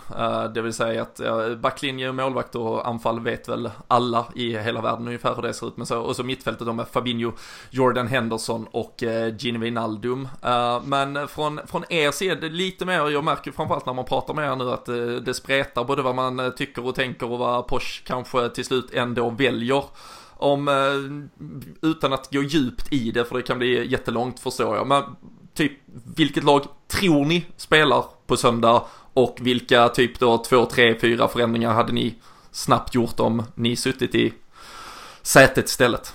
Det blir Gasse i mål. Eh, det blir till höger blir Serge Charrier, Toby Alderweireld, Fertongen, Danny Rose, Winks, Sissoko, Son, Delali. Jag tror Lamela okej. Okay. Mm. Mm. 4-2-3 på papper i alla fall. Sen kommer vi inte spela 4-2-3 nödvändigtvis för att vi spelar gärna 3-4 olika formationer i, varje match just nu, nu för tiden. Ja, jag, jag, skulle precis lägga till det, för det är ju någonting som eh, direkt när du sa det Robin, att eh, liksom Liverpool 11 och formationen är intakt sen Champions League-finalen så måste jag erkänna att jag kände ett väldigt stort avund för vi romantiserar väldigt gärna det Tottenham som säsongen 2016-17 ställde upp med ett 4-2-3-1 som mer eller mindre var klart inför varje match vilka som skulle spela och det, det blev en kontinuitet och en trygghet i det laget. Um, och det är ju, vi har pratat om det väldigt mycket den här säsongen i podden att det är en styrka som lag att ha olika formationer att luta sig på. 4-2-3-1, 4-3-3 primärt som eh, Pochettino, ibland också 3-5-2 eller 5-2 lite beroende på hur man vill ställa upp det. Um, men det vi upplever eh, som supportrar den här säsongen det är att Pochettino eh, trixar och mixar alldeles för mycket. Det känns som att han ställer ut ett lag och sen så ändras det en kvart in på matchen. Och man börjar fundera lite grann som supporter också. Är spelarna verkligen med på det här? Eh, för ibland känns det som att ställ ut en elva eh, vecka ut och vecka in med samma spelstil, taktik och form att bygga självförtroende liksom. Mm. Ingen Ndombele. Nu vet jag inte, är han skadad?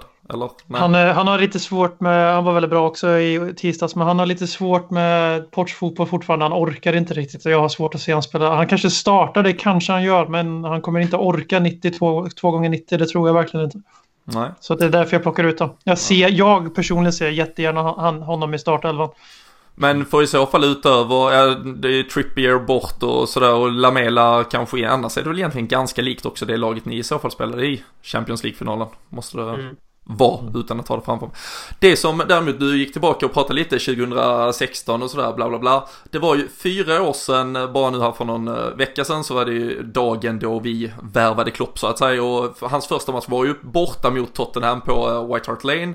Och eh, det är ganska kul, det cirkulerar alltid kring årsdagen, så här startelvan han tog över, bla bla bla. Mm, ja, den, den är ju helt sjuk. Men, men däremot så cirkulerar ju alltid er startelva då också eftersom vi mötte er. Och eh, om man ändå någorlunda tar ut den, alltså eh, den startelva som skulle kunna vara aktuell inför helgen, så är alltså åtta elftedelar intakt.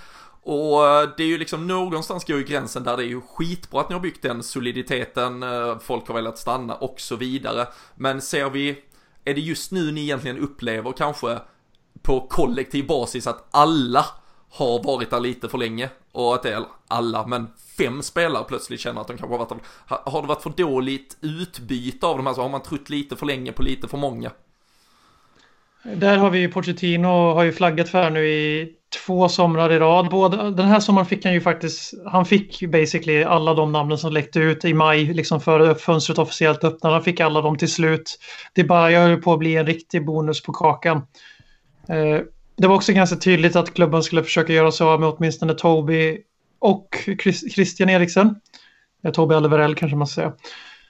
Eh, men det problemet den här sommaren blev då att eh, vi fick inte iväg spelarna för de vill väldigt gärna lämna Tottenham. Men de vill inte gå till vilken klubb som helst. Så det slutar med att alla blir kvar och då hamnar vi i någon form av limbo. Det är där vi är nu, där Pochettino, om vi spolar tillbaka till när han tog över i Tottenham. Det första han gjorde var liksom, okej okay, alla får en chans och sen så rensade han ut alla större galjonsfigurer som hade varit i laget innan honom. Hade bara Joel, Kabula, you name it. Det var inga särskilt bra lirare och gjorde sitt lag. Och sen har det laget växt och växt och växt och nu är det laget mätt och många vill bort. Och det här har ju varit liksom brödraskap förut. Liksom, man ska vara beredd att dö för varandra och sin människa.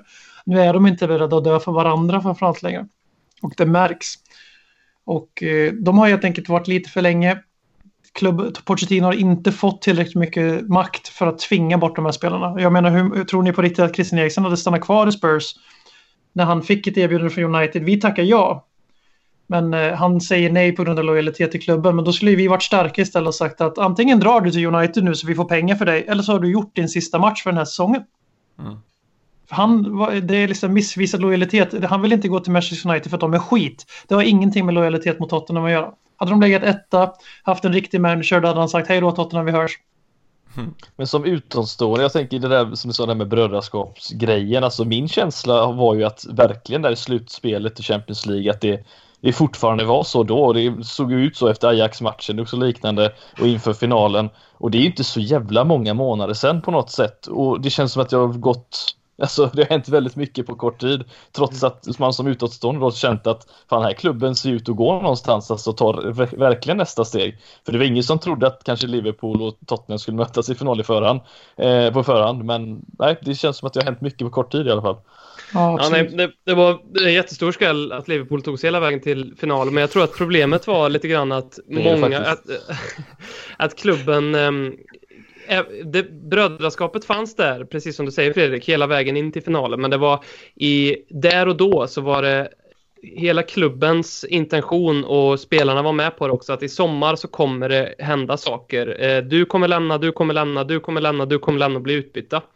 Och sen när inte det händer, ehm, det, det är då vi får den här liksom kedjereaktionen. Det är inte bara de här spelarna som, som inte vill spela för Tottenham som inte blir sugna på att spela. Det är också de här spelarna som faktiskt kanske vill satsa lite grann i, i klubben som, upp, som blir lite osäkra i och med det. Det blir lite ringa på vattnet. Ja men okej, okay, nu verkar inte klubben satsa på det sättet som jag blev informerad och vad, vad innebär det för framtiden? Och, och, det skapar liksom en kollektiv ovisshet liksom som är jättetydlig, för det är inte bara, eh, nu hängde vi ut eh, Vertongen, Aldeweireld, Eriksen med flera här, men det är inte bara de som har sett letargiska ut den här säsongen. Eh, det är ju till och med liksom bitvis Harry Kane som har sett letargisk ut. Eh, nu kanske är Erik Lamela och som är den enda och tillsammans med Harry Winks kanske som har sett ut att vilja spela för Tottenham eh, till 100 procent. Mm. Cissoko. Mm. Ja, det, är för de... det är fel spelare helt enkelt som brinner. ja, det är ju de, det är de spelarna som inte har något bättre ställe att gå till. I stort, i stort Men, ja. äh, nej, och äh, vi satt ju, som sagt, vi satt med, med Erik inför final. Han var ju äh, klar, han var ju mer dystopisk kanske än vad utfallet har blivit. Om än att det har blivit en jävligt tuff start för er på den här säsongen. Han trodde kanske snarare att det skulle vara i form av att en Pochettino lämnade, att en Harry Kane lämnade. Nu snarare verkar ju problemet vara att för många spelare har, har stannat istället och med fel ingångsvärden eh, till, eh, till det ni har framför er. Men äh, är vi, känner vi att vi har lite koll på varandra vad gäller äh, matchen äh, på söndag? Vi har fått ett äh, stalltips, det var ju från BM 2-1. Robin, ska du slänga in vad du Vågar ni tippa och tro och tänka och tycka hur det slutar så ska vi väl se hur kaxiga vi är från vår sida också. Ja. Ja, men kan jag göra. Jag tror det blir 2-2. Jag tror att Liverpool ångar på eh, och eh, får två snabba mål. Eh, och sen så tror jag att eh, eh Victor Wanyama kommer in och gör en eh, repris på sin dunder. Är det krysset där direkt? Ja. och sen så kommer Virgil van Dijk i, i slutminuterna på att han återigen hatar Erik Lamela, sparkar ner honom och Harry Kane som den straffskytt eh, han är, eftersom han bara gör mål på, på straffar och enkla tappins, eh, sätter 2-2 i 91 minuten. Kane fixar ingen... Du tror på en kopia alltså? han fixar ingen straff själv, Kane? Eller? Nej, nej, han sysslar inte med sånt. Ja, det är bra, det är bra. Fredrik, vad eh, är din känsla då? Stora, stygga, starka Liverpool som tror att vi vinner med 5-0? Är det så? Uh, nej. jag, jag, tror, jag sa, jag sa att det är ett kryss. Uh, Liverpool vinner med, med 2-2. Liverpool vinner med 2-2. Yes. Tar vi, är vi eh, från Liverpool-håll nöjda med 2-2? Nej. Nej, men bara, bara så vi är överens om det i alla fall. Nej men jag, fan 2-2 var, var ju mitt eh, tips också så det, det ju, känns ju hemskt att vi kanske kommer vara ganska enade i det. Men jag, jag, får väl eh, balansera det då att vi håller undan eh, 2-1 så är det, eh, så har vi full eh, mm, balans mellan, eh, mellan parterna här eh, när, vi, när vi stänger igen den delen av eh, det här snacket. Man vill ju gärna ta tempen så här en, en bit in nu. Känner ni att ni hatar Liverpool mer eller mindre inför söndag efter det här första halvleken ungefär vi har bearbetat? Men jag, jag tycker om er mer, men jag, gillar, jag hatar fortfarande Liverpool väldigt mycket. Jag är, jag är uppriktigt, eh, uppriktigt förvånad över hur, ni, hur mycket ni påminner om hur vi Tottenham-supportrar brukar prata om den klubben. Alltså, alltså, alltså krävdes ett, ett poddavsnitt för att... Fan, vi skulle haft Håkman här istället. Han hade aldrig... Det spelar ingen roll vad ni hade sagt. Ja, det, det, finns, ja, det finns ju en sak som vi aldrig egentligen får ta upp i en fotbollspodd, men nu gör jag det ändå. Och det är ju egentligen att alla supportrar är precis exakt likadana. Eh, oavsett vilket lag man, Mm. man håller på med. Det, för det, men det är ju väldigt kul att, att driva en fotbollspodd och liksom generalisera om att Arsenal-fans är så där, så skulle vi aldrig göra. Men sen så likväl gör vi det, för när någon i vårt eget led håller på på ett visst vis, så det ser vi ju inte. Men jag synar, dig- jag synar dig nu Robin. Hur många vettiga Arsenal-supportrar har du träffat på riktigt? Som inte bara hör av sig när de har vunnit. Jag känner en person i, som jag har träffat hela mitt jävla liv som är Arsenal-supporter även när, när, vi tvålar dit dem.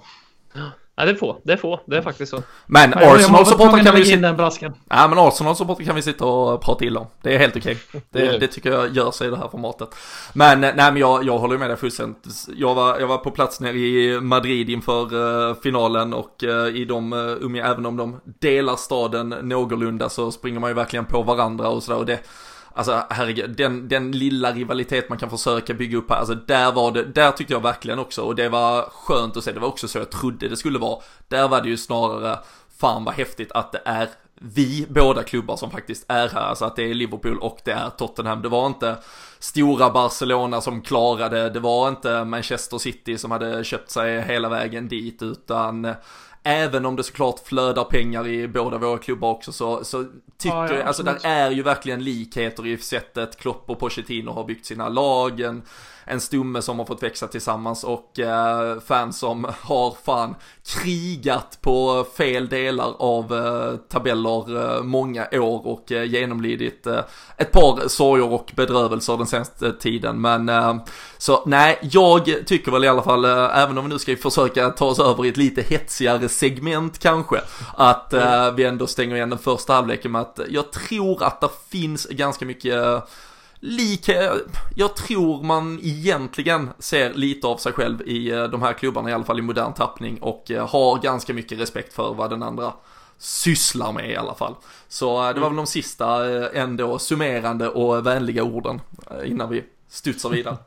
Ja, men det tycker jag är bra att du rundar av med så kan vi väl liksom bygga upp det här igen att, att ni är fullkomligt på vettet och Ja. att vi är Ja, vi, vi, ska väl både, vi ska väl både bekräfta vissa eh, förutfattade meningar och kanske slå hål på några myter men eh, det har ju verkligen varit eh, livat på sociala medier och jag vet att ni har suttit på er kammare också med tankar och funderingar eh, kring eh, detta ändå någorlunda då avskyvärda röda lag eh, och eh, ja, men ni kan väl egentligen ta eh, stafettpinnen eh, och eh, istället för att behöva beklaga er över era hemska egna spelare så kan ni beklaga er på oss den eh, närmsta Gärna. stunden. Gärna, väldigt gärna. Då, eh, det här segmentet kommer då funka på så vis att eh, vi ställer er en, en fråga. Eh, det från våra eh, supportrar, från våra lyssnare, från mig och BM till, till alla er Liverpool-supportrar där ute egentligen, men det blir Robin och och Fredrik som får svara på det här då. Och sen så när ni har svarat på den så eventuellt så har vi någon kommentar eh, och sen så är det er tur med, med, med en fråga till oss då. Ehm, Trots att han hade tränat England, eller i England i tre och ett halvt år så verkar som om ljuset gick upp för Jörgen Klopp eh, 2019 när Manchester City kopplade greppet om ligatiteln att det blåser i England. Att det finns eh, luft som rör på sig i en viss riktning och ibland eh, hårt. Efter en match så, så skyllde han förlusten på just detta som ni vet. Utöver det så har han ju skyllt en 0-0 match hemma mot Southampton på att planen var för torr. Ett poängtapp mot Leicester på att det snöade. Och sen så skyllde han också på att Manchester United fick för många skador så det blev svårt för Liverpool med så många Manchester United-spelare på plan när det blev 0-0 i februari. Och då undrar vi då, eh, vilka personlighetsstörningar ser ni i Jörgen Klopp? Uh, kan du få börja med Fredrik så... Uh... Eh, rätt många skulle jag säga på ett positivt sätt. Eh, alla som har spelat fotboll, eh, det verkar som att era fans eller lyssnare aldrig har gjort det för alla vet ju att vädret kan absolut påverka en, en matchsituation. Det enda jag inte håller med om det är skadorna för det där borde vi fan ha vunnit. Eh, men jag har absolut missat en straff för att det blåste lite för mycket. Det kan jag vara med ärlig, ärlig och säga så att eh, jag tänker faktiskt ta Klopp i försvar när det kommer till detta. Och, eh, och jag kan, alltså, den enda jag ändå kan köpa, Leicester-matchen, det var fan, det snöade inte, det haglade. Det, det var inte okej och så blev vi blåsta på en straff där också, så det, det var fan rätt. Men, får jag bara bryta in här? mm, Alltså, känns det inte ibland som att Jörgen, bara helt ärligt nu, känns det inte som att han ibland spelar lite på att han är så jävla happy-go-lucky med fansen, att han är en av er? Alltså utifrån så framstår det ganska, inte Alltså- alltid, absolut inte alltid, men att sammantaget så känns det som att han spelar lite för gallerierna för att han ska vara Mr Liverpool, precis som att han var Mr Dortmund förut. Alltså jag tror inte, alltså jag tror inte han vill påstå att han är Mr Liverpool eller Mr Dortmund, utan jag tror ju det som gör att man tar sig till, det är att han faktiskt är Mr Alltså fans, fotboll och att en bärs ändå hör till eh, livet, typ. Ehm, så jag tror inte att det är liksom att han försökte fjäska för klubben som sådan när han var i Dortmund eller, för, alltså det är inte så att han tatuerar in You Never Walk Alone, alltså och att det ska, nej, Åh men, vad han, det, ah, det kommer han Det- göra. alltså, det- Åh, aldrig. det kommer han göra. Åh vad han kommer göra. Utan det, men det är just däremot så tycker jag att vid sidan av att stå och liksom beklaga sig över att det snöar och blåser och allt så har han upplevt, han har en distans till fotbollen som liksom är den här, det är okej att gå ner på puben och ta en bira, och den är ju lätt att ändå känna någon kärlek till, och så länge han då representerar Liverpool så är han ju vår polare, är ju känslan, precis som Dortmund-fansen upplevde att han var deras polare när han var där. Um, så jag, han, har ju, han har ju ett bra sätt, alltså han är ju, alltså det är klart han är alltså han kommer till sin första presskonferens i en Beatles-tröja istället för att komma i kostym. Alltså det är ju inte så att han är dum, alltså han fattar ju såklart vad det gör med Liverpool-fansen. Sen får man komma ihåg vilket jävla skit vi var nere i då. Och jag tror ni hade varit tänk om det hade kommit, Tim Sherwood tar över efter förlusten på söndag. Och så kommer han med Lamelas vänner på tishan. Då sitter ni där. Och Det hade varit vi- det falskaste jag någonsin har sett så mycket som han hatar Lamela, men vi förstår poängen. Ja, vad fan, vi, vi kom ju också från, från det här, man, man drar ju rätt jämförelser eh, från, från en Brendan Rodgers som vad som än hände på planen så visar ju spelarna great character så att allting är ju liksom bättre än det vi precis kom ifrån. Så att jag, eh, nej, jag, jag håller med Robin i det här fallet, ja Bylund i det här fallet. Ja, det. Jag kan, jag kan roa er med att han är ett av namnen och det har också uppgetts av ganska trovärdiga källor på The Athletic av Tottenhams sida, Mm. eller Eh, journalisten, han, att eh, han är en av de som är på listan ifall om att och att han då skulle vara intresserad. Då, då, då var det rätt nära att jag gick ut och satte mig på en stubbe som en känd Liverpool-supporter i Sverige gjorde. Mm. Fast jag hade tagit med mig något annat tillägg också så att jag aldrig kom hem från den där stubben. Nej, det förstår, alltså samtidigt, alltså jag tror ju att Daniel, alltså Levi hade ju älskat att ha Brendan Rodgers. Du vet, hade han fått 20 miljoner pund att köpa två spelare från Championship för så hade han ju varit eh, helnöjd och trott att de skulle förändra världen tillsammans. Så eh, kan vara en match made in heaven. Det ska ni inte, ni ska inte sitta och, ja, det, se upp med vad eh, som eventuellt kan vara framtid. Men eh, nej, vi... Vad har ni att kontra med nu då? Ja, alltså man märkte ju det tidigt på sociala medier att våra, våra, våra lyssnare var ju inte lika hatiska. Först var det så här liksom som kom in, det var ju någon som hyllade Son och det var någon som kom in och tyckte det var märkligt att man inte sålde Eriksen eh, och så vidare. Men ja, eh, utan att vi liksom kanske lika strukturerade, det var ju en, eh, alltså det var ju en lång historiebeskrivning fram till själva frågan senast, så, så är, tycker jag att ni kan få ut, alltså det här untouchable kring Harry Kane som allt och alla utanför Tottenham-kretsar såklart stör sig på. Förstår ni hur löjligt det blir med att han liksom är Englands golden boy och eh, faktiskt förfördelas i allt han säger och gör, även om man inte ofta hör vad han säger. Nej. Ni gör inte det? gör alltså? inte det? Nej. Men Alltså, alltså, jag är helt hund, 100% ärlig nu. Jag, jag, alltså, jag, jag förstår precis din fråga, men nej. ja, det är ju, det- det, är ju det- Jag om vet inte man- jag har ett svar på den Robin. Jag vet Alltså, inte vad jag ska säga. Om man studerar Harry Kane lite grann. Men eh, för det, hans första, för det första så är han ju en högst, han är ju en högst medioker fotbollsspelare, vilket inte tas i beaktning särskilt ofta. Alltså han är ju bra målskytt, otroligt bra målskytt. Men han är ju en hög, alltså han, han hade ju inte, jag vet inte om han hade gått in i, han hade ju inte gått in i Liverpool, inte i City, han, nej alltså Tottenham är ju perfekt nivå eventuellt för honom.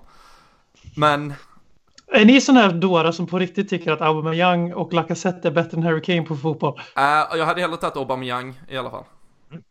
Nej men alltså, vi, vi, om vi säger, bara innan ni bara svarar. Det, det som Robin säger, alltså att du behöver inte vara världens bästa fotbollsspelare för att, för att göra en jävla massa mål. Alltså, han har, det är ju målen han har. Han har ju ingenting annat i sin repertoar. Det, är det, jag, det kan inte jag se.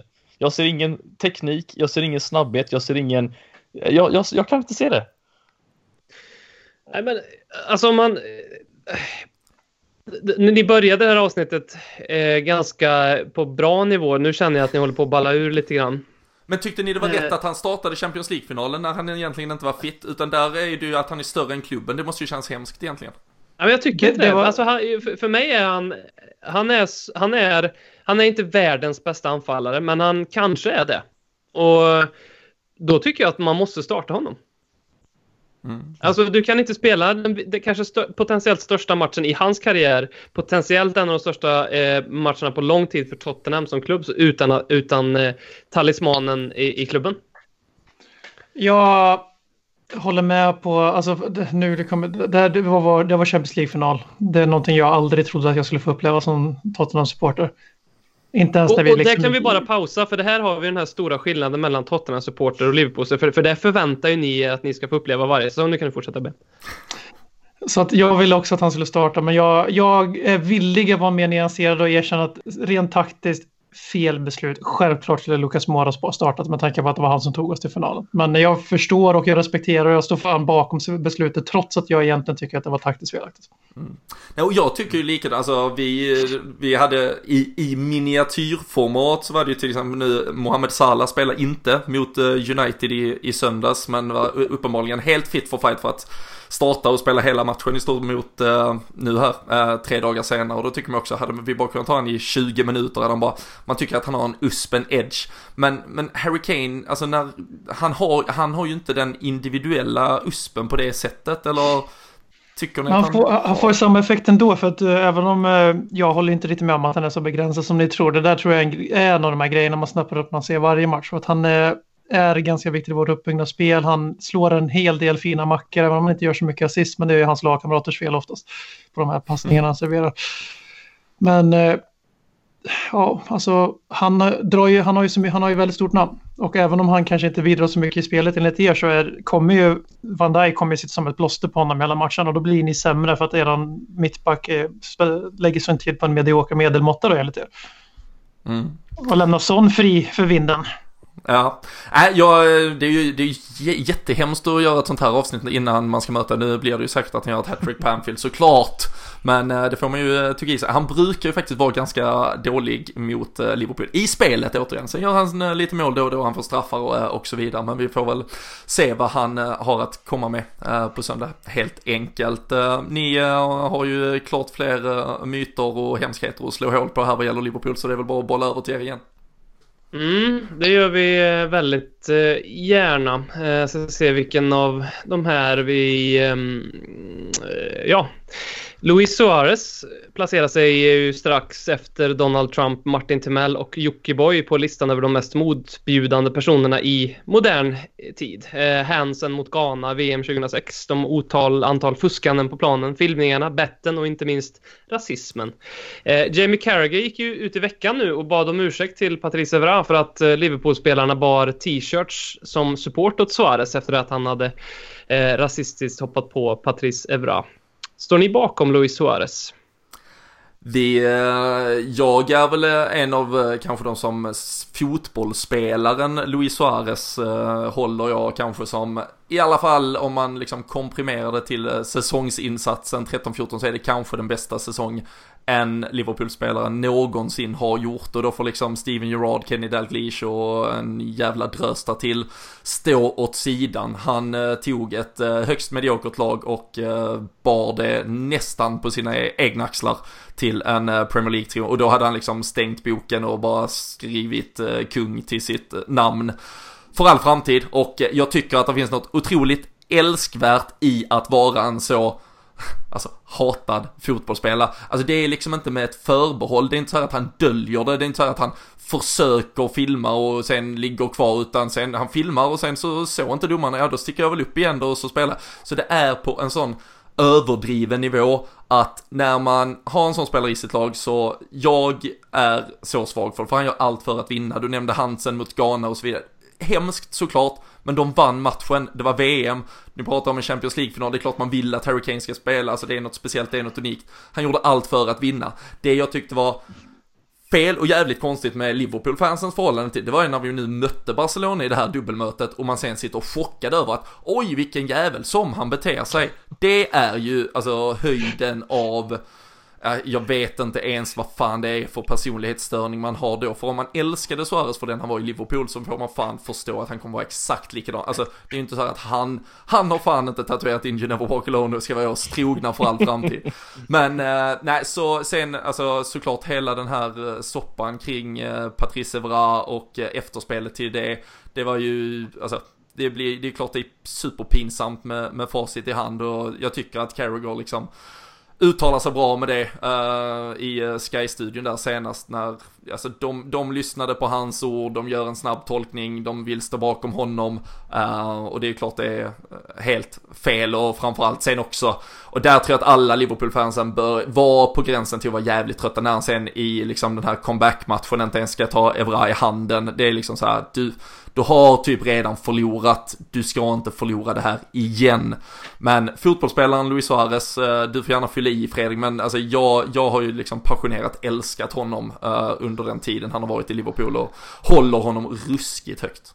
Ja, nej men det var egentligen, eh, jag behöver inte dra en lika lång utläggning för jag håller med i det mesta som sagt. Det, det är väl just det att vi, vi, vi är så fruktansvärt ovana att ha spelare, eh, känner jag, som när jag har växt upp som Liverpool-supporter som har visat just som Robin säger den viljan att faktiskt eh, alltid vilja vinna och, och liksom göra det på något, något eller annat sätt. Eh, fuskande är jag fullständigt emot och det kommer vara en fråga som, som ni kommer få höra av mig sen också visserligen. Jag tror ni vet vad jag menar. Eh, rasismen aside, det, vill säga, det är det enda jag faktiskt inte klarar av i det här fallet. Bitandet ser jag inte hur det är värre än att bryta någons ben på planen men dobba rakt in på, eh, i benet. Så att för mig det där, det är illa men det är långt ifrån att, att avbryta någons karriär som en Roy Keane exempelvis, vad fan kan vara. Så rasismen aside, det är det enda, men annars älskar Luis Suarez. Han har eh, han fick mig att uppleva någonting som jag aldrig trodde jag skulle uppleva, en andra plats i, i, i ligan mer eller mindre. eh, ja, några år innan visserligen också, men nej, jag kan inte säga någonting annat än att jag älskar den, eh, den, den mannen. Mm. Ni uh, känner ju uppenbarligen inte samma kärlek och passion uh, för honom. Uh, vad, så, som motståndarsupporter som uh, upplevde är det liksom ett genomgående hat för människan Luis Suarez? Oh ja, ja. Det, det, han är ju fruktansvärd. Det är ju han och Marcus Alonso som är på killist. uh, Ander, Ander Herrera har jag högt på min lista. Nu ser jag inte honom lika ja. ofta dock, men... Uh... Vem är den där Arsenal-fjanten? Han som inte ens var först. Just det, han, han står i Juventus nu. Chesney. Ja. Han, är, han är på den listan också. Som han, han var inte ens liksom bra i Arsenal och han hetsar Tottenham varenda chans han får trots att uh, det var rätt länge sedan Arsenal var bättre än oss på fotboll. Ja, vi får väl se. Vi kanske får göra någon... Uh, vilken är den mest... Alltså jag kan inte ens... Alltså Harry Kane är ju den lite... Delalli hade ju superpotential att bli sådär hatad. Han var ju en sån som gärna satte dubbarna in och när domaren inte såg eh, en spottloska låg och bara väntade. Kunna hetsa publik eh, och så fick man ändå ett mål i röven till slut och så vidare. Men känns som han stagnerar lite i sitt svineri. Det är ju ja. en trist egenskap som Porsche har tvättat bort eventuellt där. Ja, och det här tycker jag är intressant för att den, när vi gör när jag har funderat på det tidigare så har jag liksom, hur skulle jag reagera ifall jag hade en Luis Suarez i laget? Um, och så har ju Tottenham inte haft den typen av spelare. Nu gör du fan ingen liknelse mellan Suarez och Dele Alli här Robin. Nej, nej, nej, nej, absolut inte. Utan, utan det är frågan jag ställt mig, hur skulle jag känna ifall det fanns en, en, en, en spelare i laget som jag kände så stark avsky till? Eh, och det kunde jag inte riktigt relatera till, så då funderar jag på okay, men vilke, vilken spelare i, i Tottenham är den mest hatade eh, från motståndarsupportrar? Då, då kommer jag alltid fram till Dele Alli, för det stämmer precis som du säger, men han hade ju den där bad boy-auran, lite oslipad. Och jag tycker att i takt med att den har försvunnit så har ju Dele Alli blivit en sämre fotbollsspelare. Exakt! Och jag tror, och jag, jag tror att det har med att göra att han eh, han, han, som fotbollsspelare så, så, ska han leva lite på, på den sidan. Um, den hetlivrade sidan, den lite busiga sidan. Det var ju liksom match efter match efter match eh, när han gjorde tunnlar bara för att han tyckte att det var kul för att, att förnedra eh, mm. spelare. Liksom. Och det har försvunnit från honom. Eh, och jag tror inte att det är Pochettino som har slipat bort det. Jag tror egentligen bara att han har blivit äldre. Um, tyvärr. Eh, för jag, det minns jag som en av de grejerna som Pochettino sa att den här aggressiviteten ska vi hålla kvar och ställa liv. Vi ska bara se till att den inte liksom går överstyr. Mm. Jag tror att det hänger ihop med formen. Att när han, han behöver vara han behöver vara en liten gris för att vara så, så, bäst som, så bra som man kan vara, absolut.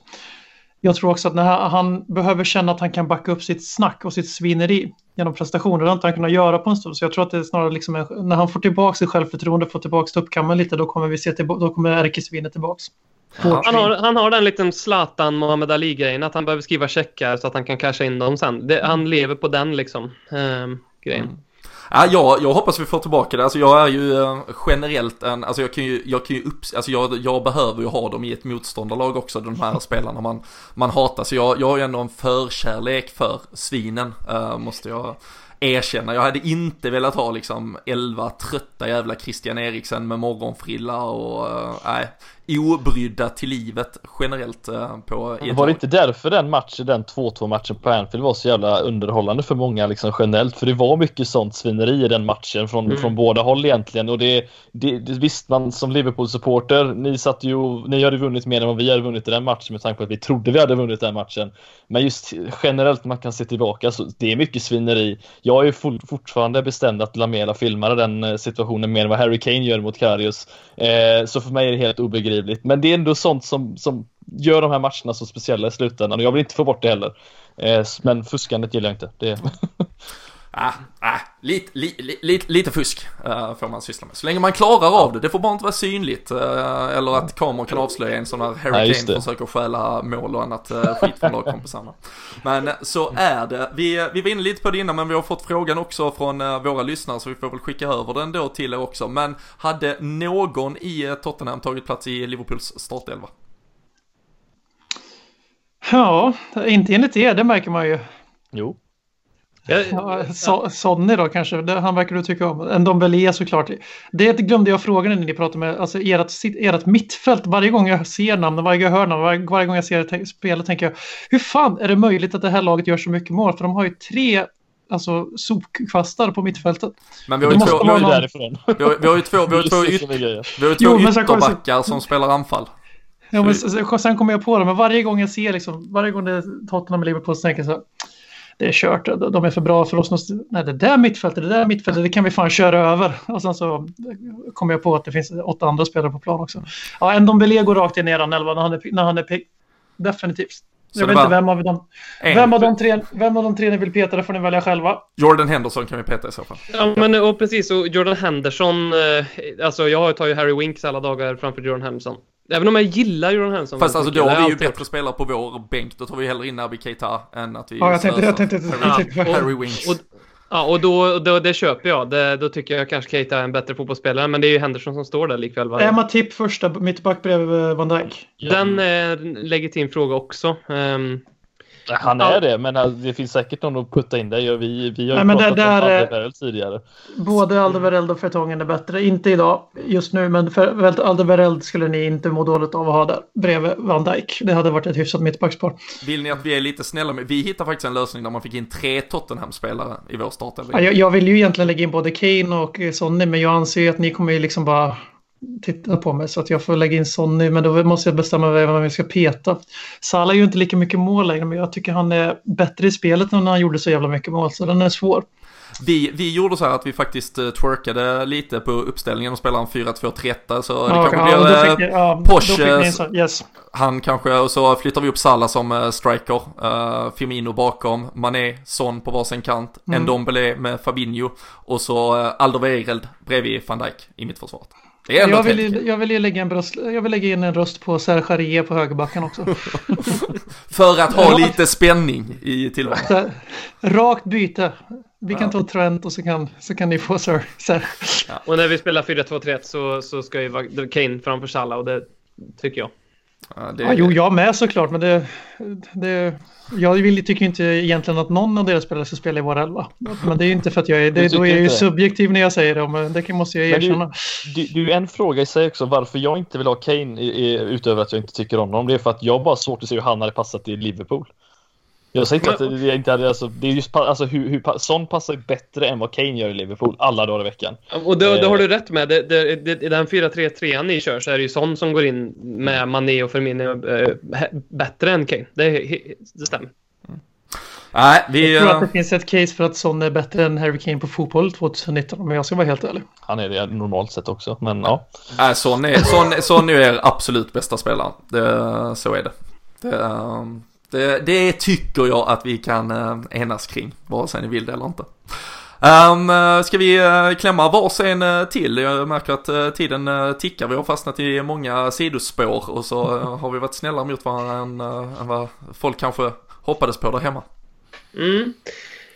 Hur många av er skrev på namninsamlingen för att spela om Champions League-finalen efter Mohamed Salahs skada mot Sergio Ramos? Jag tror, jag tror ingen som har någonting med våran eh, podd har, har gjort det.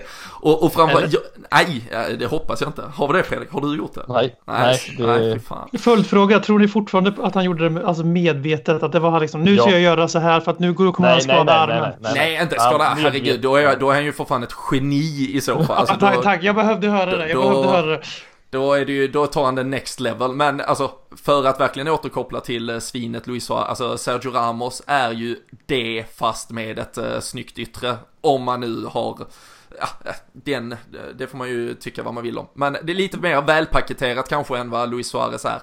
Alltså Sergio Ramos är ju ett svin som går över lik, alltså han är ju så, han hade ju liksom mördat folk längs vägen för att vinna. Jag älskar det, de utnyttjade, de vinner, alltså första, halvled, första halvtimmen medan Salah är på plan så är det en match mellan två ganska jämnbra lag.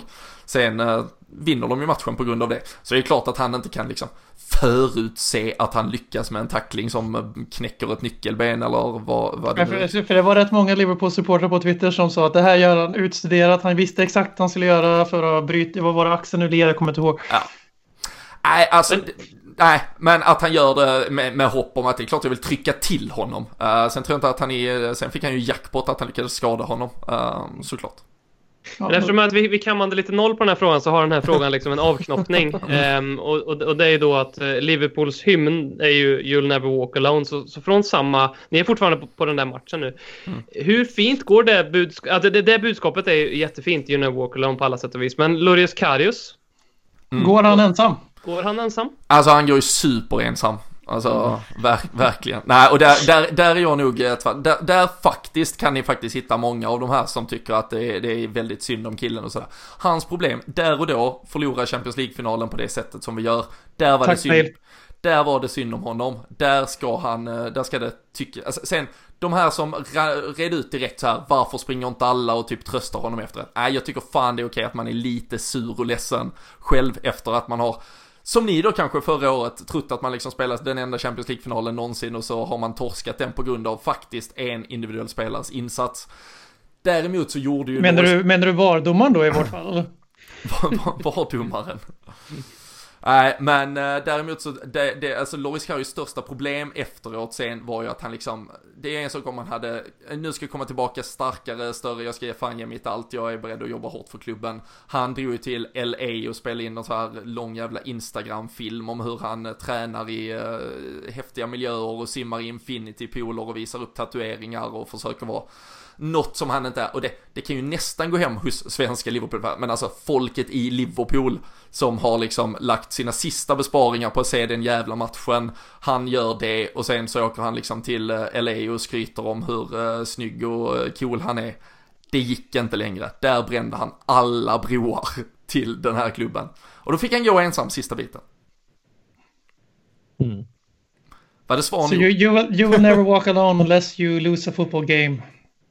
by conceding the two worst goals ever scored in a Champions League final. Den, skri- Inte riktigt lika catchigt. Nej, det är inte Men det går, det går att rappa den låten ganska bra tror jag. Absolut, så får vi se om eh, Dortmund, Celtic och alla de härmar oss även eh, Ja. på den där. Vi var ju först, det är viktigt att poängtera. Såklart. Uh, nej men alltså egentligen, vi, jag tycker att de flesta vi har här är, är för snälla och sådär men uh, jag tycker att, uh, alltså ni pratade lite i, inledningsvis om att ni inte har någon rival och sådär och liksom, eller det är ju såklart Arsenal och sen så kom Liverpool. Nu uh, ligger ju Crystal Palace före er så då, ni kanske har ett, en London-rival att faktiskt göra något av eller vad känner vi? Absolut, vi älskar rivaler. Vi gillar att svinga åt alla håll och, och, och sådär. Så att eh, jag välkomnar fler rivaler. Jag tycker det är lite kul med lite hets och sådana saker. Men vi har ju, alltså Arsenal har ju blivit West Ham på bara några år. Eh, för att eh, innan det så var det ju West Ham som hade sin VM-final varje gång de mötte oss. Och det, det är väldigt tydligt, det är bara att titta på de matcherna. Sen så slutade vi före Arsenal.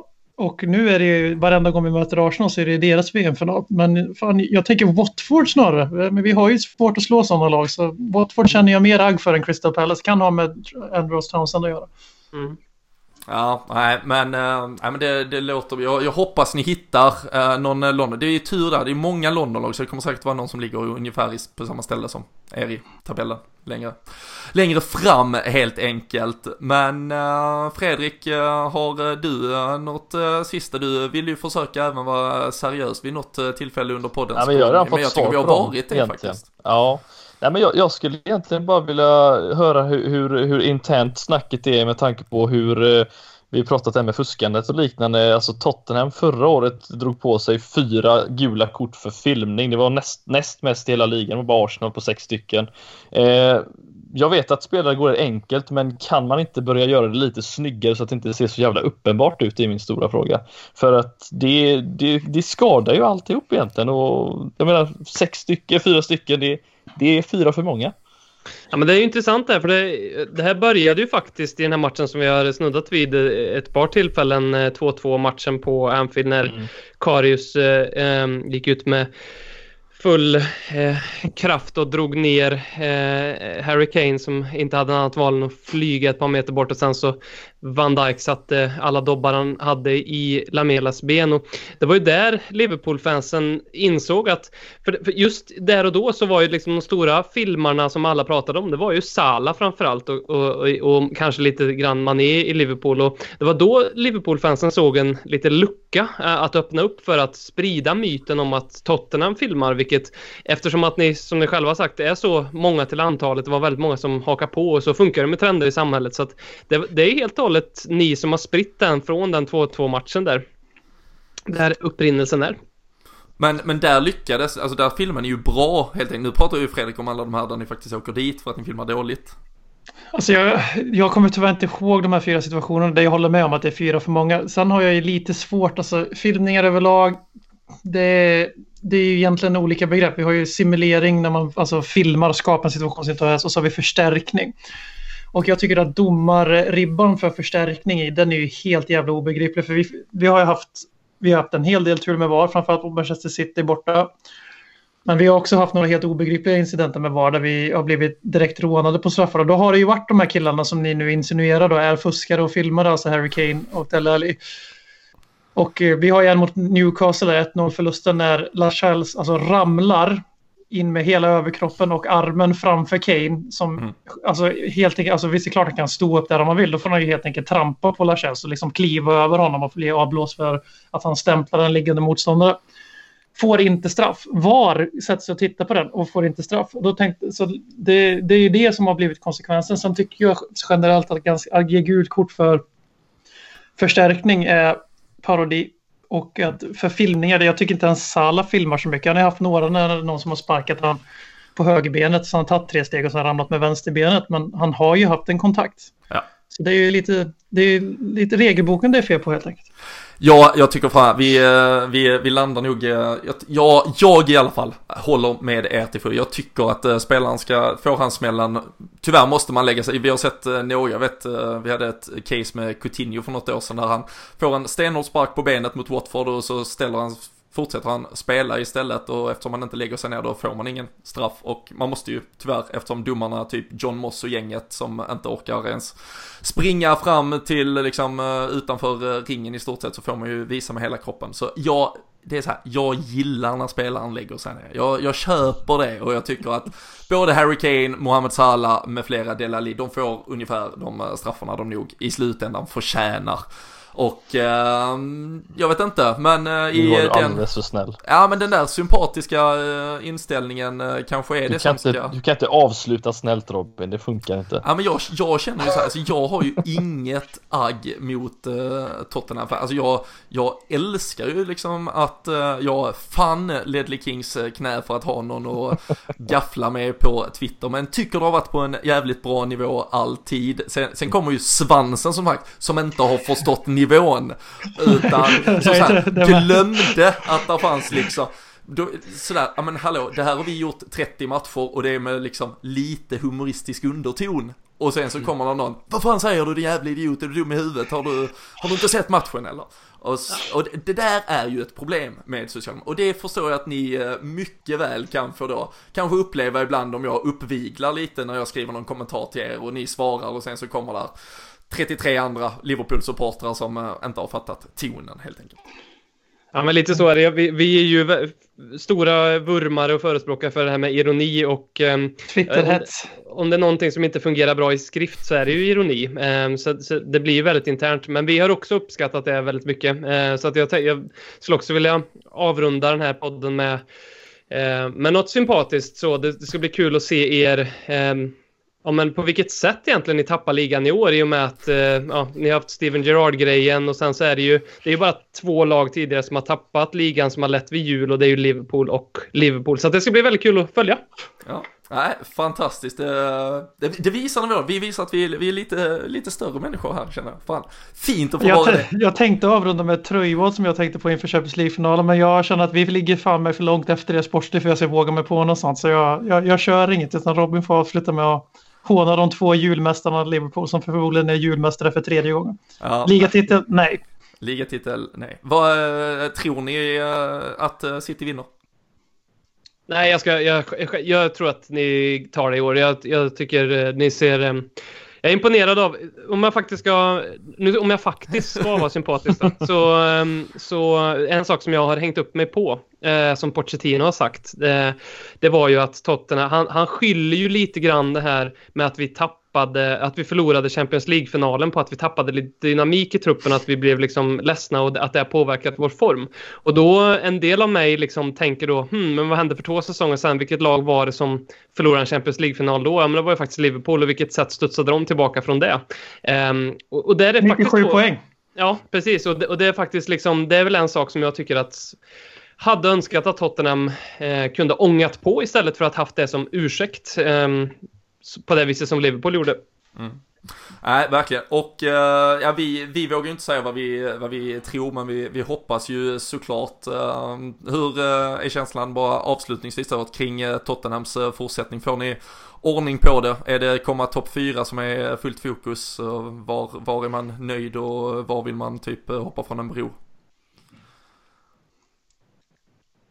Ja, för mig handlar alltså topp fyra, det har jag proklamerat på Twitter flera gånger. Det är skitsamma lite för mig. Det är djupare problem som, i klubben som behöver lösas. Jag vill ha bort alla spelare till att börja med som inte vill bära tröjan. För att eh, vill man inte bära tröjan av en klubb som Tottenham då ska man inte göra det heller.